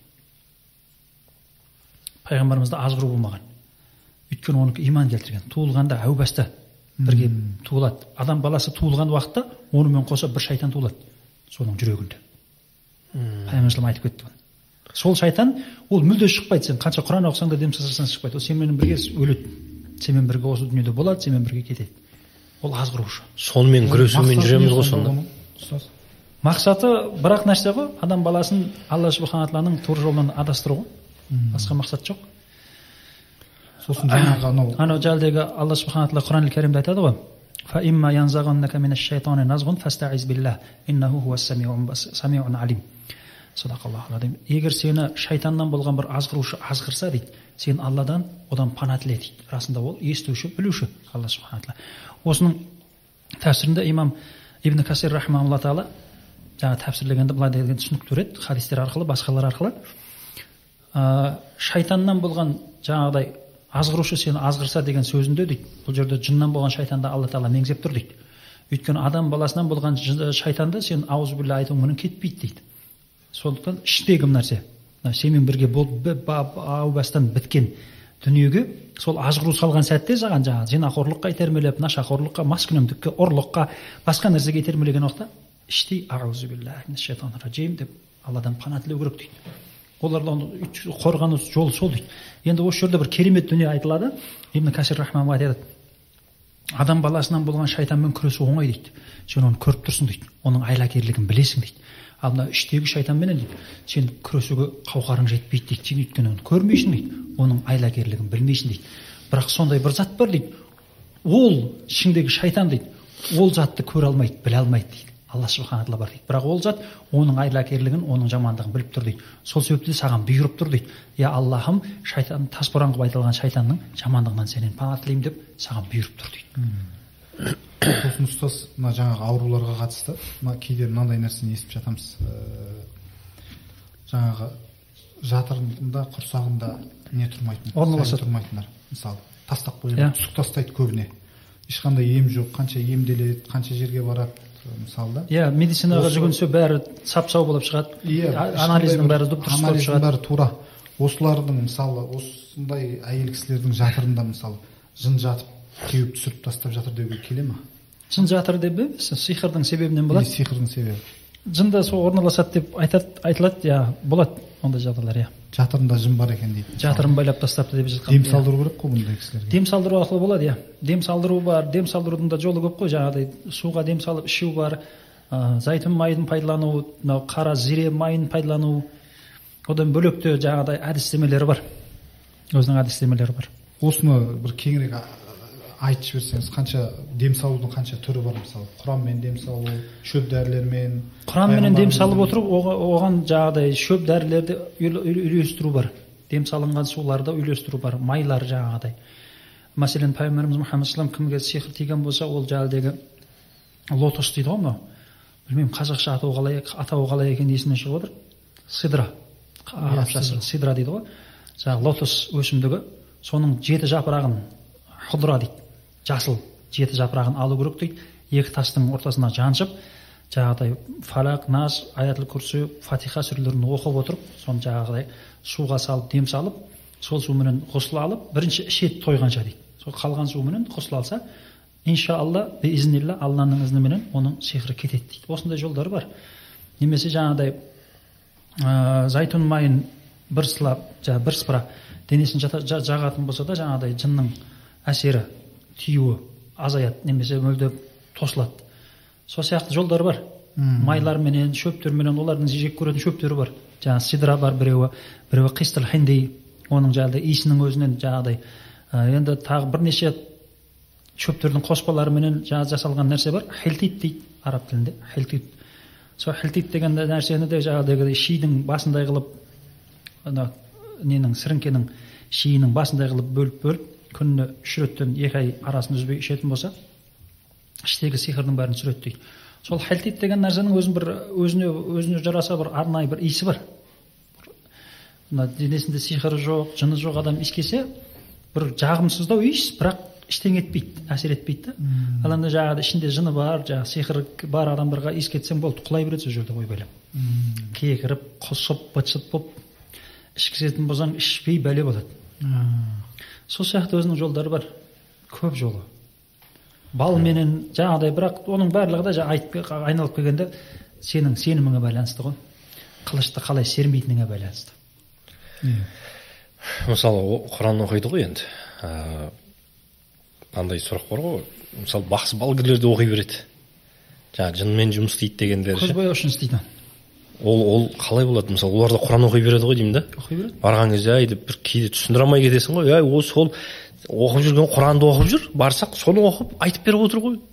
Сен оқыған құранды ол да оқып отыр. Ол сені алдау керек қой. Сонда сені алдау үшін сен сенетін нәрсені істетеді да ол. Сол құран сенбейді оған. әсер етпейтін болып тұр ғой иә? Кейбір құрандардың аяттары арналы арналы аяттар бар ма деген ғой әсер мысалы. етпейді емес әсер етеді. Ол кез келген құран әсер етеді. Бірақ ол оқыған адамға байланысты да. Ана сенбей оқимын деген а. Кәпір адам оқи береді ғой мысалы үшін жаңағыдай ә, біздің қазіргі осы он бес республика бұрынғы совет өкіметінің қол астында болған он бес республиканың аумағында көп тараған жаңағы ең алғашқы шыққан перевод мысалы харлам Бар- барановтікі жағы құранды бірақ ол мұсыл- мұсылман болмаған да. Араб тілінен аударған. Аударған араб тілінен аударған. Бірақ ол мұсылман емес та. Иә иә, иә. түсінесіз ба? Сол сияқты мынау ха- хадис білімінде де мысалы үшін хадисті э, жинақтаған жаңағыдегі екі голландиялық ағайын бар кәпірлер. Құранды кәдімгідей мысалы үшін э, неге программаға біз енгізген жаңағы хадистерді. Мынадай хадистің басын немесе ортасында кез келген, кез келген бір сөзді бүйтіп алсаң анау хадис шыға келеді. Қай жаңағыдегі жиынтықта муслимнің жиынтығында ма бұхаридің жиынтығында ма кімде келген қай кітапта келген қай бапта келген кел- шыға келеді да. Бірақ оны істеген соны істеген мұсылмандар емес. Голландиялық екі ағайын хадистің айыбын табамыз мына мұсылмандарға зиян тигіземіз деп. Иә. Ол сену мәселесінде мәселе сенуде сеніп оқу сенбей оқу деген мәселе болып тұр. А. ол оқи береді. Ол өйткені көзбояушы адам ғой. Сені алдайтын адам ғой. Ол сол сені алдау үшін ол құранмен алдайды да сен сенген нәрсемен алдайды да. Е мен құран оқып отырмын ғой мен дейді. Бірақ оны сен ар жағындағы істеп жатқан күпірлігін білмейсің ғой. Сол құранға қатысты. Жақында инстаграм желісінде шетелдік бір жын шығарушы кісі. Ә, өзінің алдына келген пациенті дейміз ба не дейміз қабылдаған адам оқып жатқан. Соны оқып жатқан кезде әлгі кісімен жаңа ә, диалогқа келіп жаңағы жын тиген адам бұл коронавирустың болып жатқандығы осы жындардың ықпалы бар деп айтқан екен да. Осы қаншалықты рас осы нәрсе сенбеу керек деп айттым ғой десең соларды айтқанда сенбеу керек деп. Енді әзіл әзілмен ғой бірақ кез келген ауру дерт кез келген жақсылық нығмет алланың қалауымен келетіндігіне біз сенгенбіз ғой. Қада уал қадар дейді ғой біздің шариғатымызда. Алланың үкімі және сол үкімге мойынсыну біз оны мойынсынамыз жақсылық келсе де жаман жамандық келсе де біз алладан деп білеміз оны. Жыннан басқадан олар жай ғана себепкер болуы мүмкін. Бірақ алланың қалауымен келеді да алла субхана тағала қашан пайғамбар алейхисаламның үмметі игілікте болса алланың бұйрығынан шықпаса пайғамбарымыз мұхаммад салламның сүннетіне жабысса алла субхана тағала нығметті төгіп береді. Қашан бұнардан қашса алла субхана тағала үстімізге бәлекетті жаудырғанның үстінен жаудыра береді. Себебі мынау шүкіршілікпенен ә, сабырлық деген нәрсені біз дұрыс түсіне алмайды екенбіз да. Бұның екеуінің де түбінде бір мақсат жатыр. Шүкіршілік пен сабырлықтың екеуінің де негізінде бір ақ нәрсе бар. Күнәға бармау деген нәрсе бар. Шүкіршіліктің мақсаты не? Шүкіршілік деген нәрсе тәуба шүкір қылдым деген нәрсе емес? Шүкіршілік деген нәрсе саған дүние келді ма сен күнәға кетпе шектен шықпа. Зекетіңді бер да одан артылғанын жоқ жұқаға жетім жесірге басқа да игі іске жұмса. Казиноға емес көліктің үстінен көлік алуға емес киімнің үстінен киім жамауға емес. Яғни шектен шықпау. Шүкіршіліктің мақсаты күнәға бармау екен да шектен шықпау. Сабырлықтың мақсаты не десең сабырлық та сол да. Басыңа қиыншылық түсіп қалған кезде я алла не жазып едім саған? демей күнәға барма сақтап я аллахым өзің берген нәрсең. Сенің қазаң сенің үкімің сенің тағдырың мен оған иман келтірдім я раббым. Өзің жеңілдіңді бер деп ұстап қалу. Екеуінің де мақсаты күнәға бармау да шүкіршіліктің де сабырлықтың да енді осыда осы орайда хазіреті омар алла ол кісіден разы болсын айтқан әйгілі бір сөзі бар да мынау байтыл мақдис жаңағыдегі қазіргі не иерусалим қаласы ғой масжид ақса. Сол жер мұсылмандардың қолына өткен уақытта хазіреті өзі келеді ғой. Сонда өзі келгенде айтады ғой осы әйгілі сөзін. Алла субхана тағала сендерге осы нығметті берді осы нығметтің шүкіршілігін орындаңдар. Сендер қашан осының шүкіршілігін орындасаңдар алла субхана тағала сендерді ешқашан ешкімге жеңілдірмейді дейді. Қашан осы шүкіршіліктен кетсеңдер дейді алла бұл ақ қояды қара мұсылмандар одан кейін қаншама шамды алды одан кейін. Бүкіл византияны алды бірақ соның шүкіршілігін орнына қоя алмады. Шектен шықты. Дүниенің қызығына кірісіп кетті сарайда соқты киімдер киді. Уағыз насихатты қалдырды. Алла субхана тағала сол нығметті алып қойғандығы соншалықты мұсылмандар сол нығметке осы күнге дейін қол жеткізе алмай тұр да шүкіршіліктен кетіп қалдық. Осы күнге дейін ешбір жерде мұсылмандар жеңіс таба алмай жатыр. Алла тағала ол нығметті бізден алып қойды. Тура сол сияқты қазіргі күнде де біздің үлкен жеңісіміз бар кіші жеңісіміз бар. Оның себебі бір ақ нәрсе. Алланың қалауы. Біздің істеген амалымызға жараса. Енді осы дерттің де келіп жатқаны белгілі ғой. Қайсы бір дворда қаланың азан айтылса өзіміздің мұсылмандар өзіміздің қазақтар арыз жазады акиматқа. Ұйқымызды бұзды үйтті бүйтті деп. Қазіргі жаңағыдай бізде ана мегагерц дей ма? Соның өлшемі бар межесі бар белгілеп қойған акиматтың сол межеден асыруға болмайды. Мешіттегі азан айтылатын. Одан ол межеден асырсаң сен заңды түрде жауап бересің. Бірақ көп қабатты үйдің астының барлығын байқаңыздаршы. Кафелер ресторандар түнгі сағат бірге дейін екіге дейін дүрлігіп жатады бірақ ешкімге кедергісі жоқ. Ол жерде ешқандай жаңағы гер смерть деген меже жоқ. Одан қайдан оңсын қайдан бізге жақсылық келсін? Біздің өзімізден. Қазіргі күнде мына заманай деген жаңа бір терме шықты ғой. Сол термедегі бір керемет сөз бар ғой жаңа. Бай болса да кедейден мал дәметкен заманай дейді. Сондай болып қалды ғой. Yeah. Иә. қазіргі күндегі байдың барлығы неден байып жатыр? Өзінің шексіз іс әрекетінен емес алдап арбап халықты жегендігінен. Аңқау халыққа арамзамолда деген сол мысалы біздің жаңағыдегі берген налогтарымыз бар басқамыз бар. Кешегі мынау өткен карантиннің кезінде де жаңағы болып тұрса да дәрі дәрмектің шықпауы одан кейін оны жаңағыдай еселеп қымбатып қымбаттатып осы күнге дейін әлі сол баға түспеуі біреуді байытып жатқан жоқ па? Ал сол мысалы үшін күнә емес па мысалы да? Біздің өзіміздің сорақылығымыздан біздің өзіміздің немқұрайлығымыздан біздің өзіміздің қол істеген күнәларымыздан. күнәларымыздан келіп отыр бұл нәрсенің барлығы. Егер осы нәрсенің барлығына шүкіршілігіміз бен сабырлығымыз орынды болғанда біз бұншалықты дәрежеге түспейтін едік. Біз бұншалықты өзіміздің халқымыздан айырылып қалмайтын едік. Бұның барлығының жаңағы себебін бұның барлығының ә, басқа да бір айыбын өзгеден іздеудің қажеті жоқ. Өзімізде жатыр бәрі. алла разы болсын ұстаз. Күнә деген өзін біз ә, бір белгілі заттарға ғана қолданамыз ғой енді. Халықтың түсінігінде күнә деген жаңа арақ ішу күнә шошқаның етін жеу күнә жаңағыдай бір белгілі бір зина күнә деген сияқты адам өлтіру күнә қалған жаңағыдай бір кеп тұрған кезде бүйтіп бүйтіп үстінен жаңағы халық қиналып жатқанда үстінен жей салу ол күнә емес жаңағы деп ойлайды да пайда табу деген сияқты. Бұл күнәлардың өзі айналып келген кезде жаңағы біздің кері әсерін тигізеді. жаңағы жын тию жаңағы неге алып келеді ғой оның бәрі күнә деген нәрсе соған жалпы қазіргі күнде мына жұқпалы ауруларға да осы нәрсе алып келеді. Сол ихия улумиддинде болу керек қателеспесем. Е сол кітапта немесе ә, кімнің ибн касир рахмалла тағаланың әл бидая ва ниха деген кітабында ма? Аллаху алам осы екеуінің біреуінде келген. Осы мәселені жаңағыдай келтіреді ол кісілер. Ә, дейді ғой автор. Сол автор келтіреді. Ә, пайғамбарымыздың хадистерін келтіреді. Кейінгі халифалардың кезіндегі оқиғаларды келтіреді. Пайғамбарымыз жаңағыдай ат самут қауымының жерінен өтіп бара жатқан кезде дейді. Осы жердің суын өздеріңді ішпеңдер жемістерін жемеңдер және де мінген көліктеріңе жегізбеңдер деп бұйырған хадисі бар. Яғни ол ат қауымы самут қауымы пайғамбарымыздан мың жыл алдын өтіп кеткен қауымдар.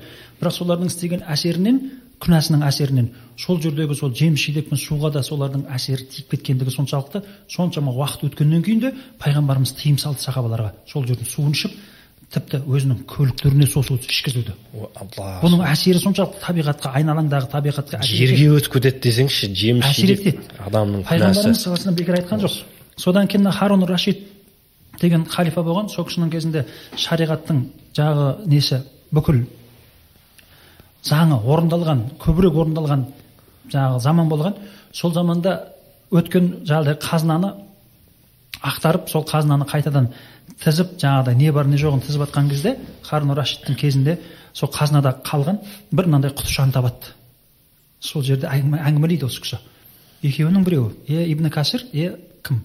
Мұхаммад ғазали алла ол екі кісінің рахымын алсын осы әңгімені айтады сонда жаңағыны ашқанда дейді құтышаны дейді құрманың дәнімен бірдей дейді бидайдың дәні шықты дейді бірақ қана және соның астында кішкентай қағазда жазылған еді дейді бұл алла тағала береке берген жылдары болған дән деп айтты дейді мұсылмандар күнәдан арылған кезде бидайдың дәні соншалықты болған екен ризық артқанда былайша түсіндіңіз ба мұсылмандардың істеген салихалы амалы да айналаңдағы табиғатқа әсері тиеді екен да. Күнәңнің әсері тиген сияқты. Сосын жаңағы хадисті келтіреді пайғамбарымыздың хадисін келтіреді. Ертең қияметке жақындаған уақытта зажалдың келуі махдидің келулері жайлы хабар беріледі да. Содан кейін жаңағы жерде мынандай хадис келтіріледі. Сол имам махди келгеннен кейін жаңағы орнығады ғой. Ислам заңы орнығып бүкіл жерде ислам заңы заңымен ғана жүріледі. Сол кезде дейді алла тағала соншалықты береке береді дейді хадисте.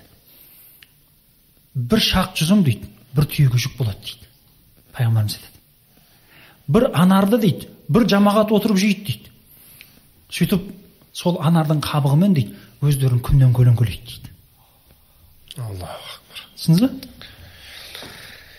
бұл сөзсіз адамның күнәсі де істеген салиқалы амалы да айналасындағы табиғатқа әсерін береді кешегі өзіміздің мысалы алыс кетпей ақ қойыңыз өзіміздің әкелеріміз өзіміздің аталарымыздың заманындағы қойдың малдың төлі қандай еді? Қазір қандай?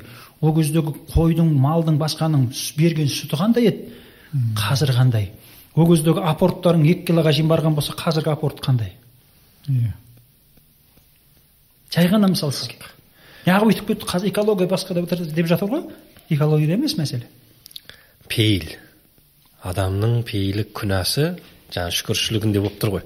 қырық жыл хақназардың кезінде қырық жыл жер бетінде жаңағы қасқыр қойға шаппай. Иә. екеуі бірге жүреді оның да ризығы молайып мынаның да ризығы молайып сондай бейберекет тыныштық заманы. басқарған жаңағы ханы ғой қырық екі жыл иә? Иә. Иә. сондай уақыт болғанда адамдардың сонда күнәсі. жалпы күнәміз. біз ана кейде жеті ұрпағыңа дейін зиян тиеді дейміз. Ол ұрпағы былай тұрсын жерге де тіпті Табиғатқа зияны тиіп мына экономикамызға әсер етіп жатыр да біздің. Өзіміздің экологияға жалпы өзіміздің халықта да сөз бар ғой. Қарғыс сатқан жер деп жатады ғой. М, бекер емес та ол. Ол бекерден бекер қарғыс сатпайды да ол. Түсіндіңіз ба?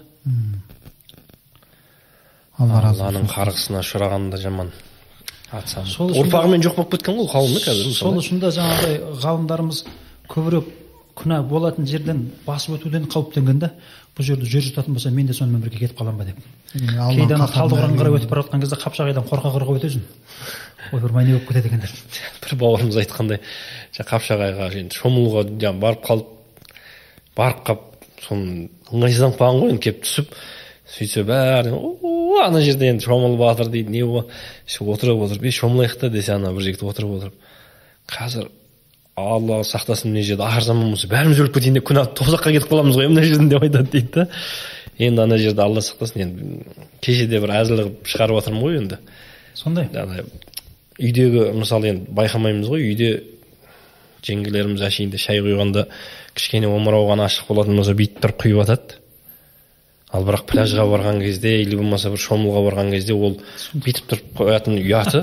Бүйтіп жумайды ғой жаңағыдай мен бір әзіл қылып ана бір адам диалогында шығарып шығармай қалып кетті енді. Сонда жаңа айтамын да. «Ә, ата не істеп жүрсіз мына жерде жағалауда? Не пляжға келдіңіз ба? дейді жоқ балам мына жерде қоқыс тастайды. Табиғатты да таза ұстау керек. Бұл да алланың жаратылысы ғой деп. «А, а, келініңіз амандасса кекірейіп өзіңше жұмысқа тұрғаннан кейін қоқыс тазалаймын деп өзінше болып қалыпсыз ғой тек.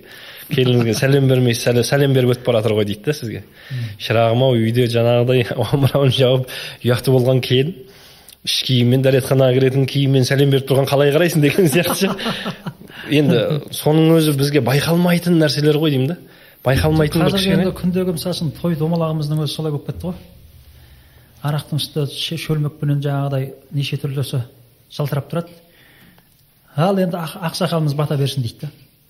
Мазақ дінді мазақ келеке қылғанменен жұмысы жоқ та өзінше бір игі істі істедім деп ойлап отырады да. Бірақ дінді масқаралап тұр да ол. Өзінің ата бабасының дінін масқаралап тұр да. Одан кейін ол тойдан қайда береке болсын? Шығады да бәрі тілек тілейді. Ақ көңілі жаңағыдай жарылып шын жүректен жаңағыдай шын жаңағыдай пейілменен тілек тілейді. Бірақ тілекті қалай тілейді? Сол сияқты да. Тойымыздың өзінде сол нәрсе бар да. Қуанышымыздың өзінде қайғы көбірек. Біреуді даттағаным біреуді жаңағыдегі не қылғаным емес қой жамандағаным емес қой бірақ ащы болса да ақиқат солай болып тұр ғой қазіргі оған да жаңағыдегі сын айтатындар табылады ғой бірақ дегеніменен шындық солай.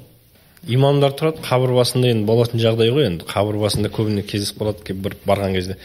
Имам тұрады бірақ жаңағыдай үлкен кісілер енді өмір көрген деп бәлки көруі мүмкін өмірді көрген шығар бірақ жаңағыдай молда тұрған жерде жаңа үлкен аталарымыз айтады ғой енді жөні бар шығар айтуға. Бірақ қабірдің астына жаңа бір кісілер құлып сал қазық қақ деп соны жаңағы молда сұрап жатыр. Имам тұр да. Ата не үшін? деп ше? Не үшін?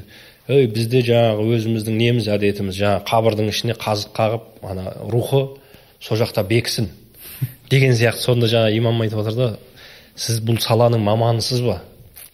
Сіз пәленше жыл оқыдыңыз ба? Енді жаңағыдай өзіңіздің біліміңізді жер бетіне жайғанды қойып енді қабірдің астына кіргізіп жатсыздар ма бұндай нәрсені? Болмайды ғой депші. Жаңағыдай бір ша, маман иесі айтатын жерде бізде кейде сондай болып кетеді ғой иә? болады сондай болады. Муфти ғой енді. Лакатың ұлы лака лака ибн лака дейді.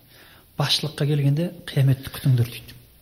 Сонда сахабалардың бәрі қарайды арасында лака деген ешкім жоқ. Әкесі лака өзі лака деген адам жоқ. Кім ол дейді ғой? Я расулалла ол кім дейді? Да лакатың ұлы лака деген кім десе қашан бір іс өзінің иесінен бөлек адамға жүктелсе дейді. Сол ләкәтің баласы ләкә сол дейді. Сол кезде қияметті күте беріңдер дейді. Да ләкіл деген біреу деген ол иә біреу дәй үшін жүрген біреу дейді да. Бұл расулалла саллаллаху сөзі да. Пайғамбар осы жағдай келгенде қияметті күте бер деді да. Сол қияметті былайша айтқанда өзіміз қолымызбен орнықтырып тұрмыз ғой. Алла разы болсын ұстаз.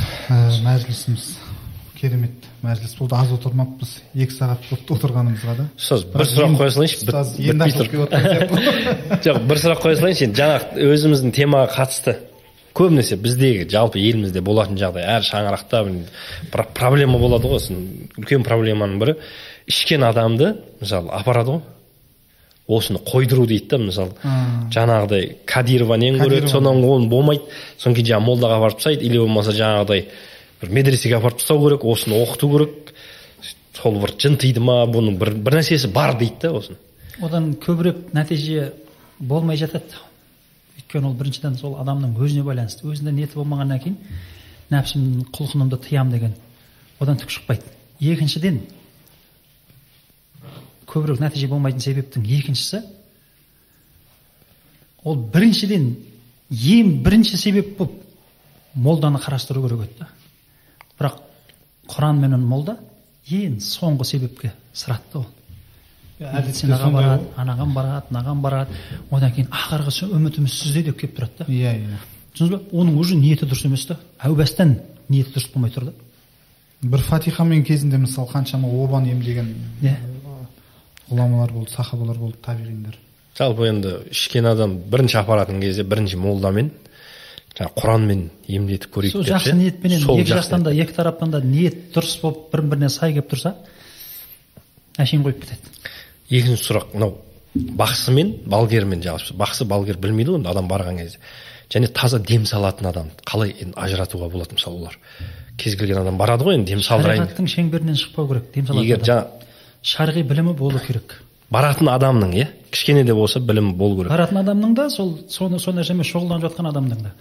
Егер оның шариғи білімі жоқ болса еш жерде оқымаған болса өзімен өзі жаңағы бір күні тұрып түс көріп жаңағыдай кеткен болса бабасын. көріп жаңағыдай ертесіне кекіріп шыға келген болса онда біреу болса дейсіз. Иә ана бір шарт болады ғой мысалы мынандай болса онда біле бересіз деген сияқты. Барған адам барып отыр анау оқып отырды да бір кезде «Е, балам сенің аталарың деген кезде а дейтін сенің ше? аталарың «А» дейді десе? немесе жаңағыдай қой қара қой қара тауға келу керек дейді. Қанға шомылдыру қанға шомылдыру керек дейді иә. малу керек дейді. Белгілері көп оның. Немесе жаңағы біреудің іш киімін алып кел дейді. Ол күлетін нәрсе емес бар нәрсе ол. Шынымен бар нәрсе. Иә бар ғой ол талай. Қашан осы жаңағыдегі шариғатқа сай емес нәрселер айтылса біліңіз ол сиқыршы шариғаттың тілінде оны балгер бапкер басқа деп бөлмейді. Оны бір ақ тілмен айтады. Сиқыр дейді. Ас сахир Сахир. ол сиқыршы осыдан ақ ажырата бересің осындай белгілерінен а? Құранмен емдеп не қылып жатса? Мен осыны бір бағдарламада айтқанмын мынау бақыт деген ана көріпкел бар ғой ақтөбелік. Мхм. әйгілі бір көріпкел бар ғой бір бірнеше бірнеше. Сол көріпкелдіктен біраз жаңағы нелері бар.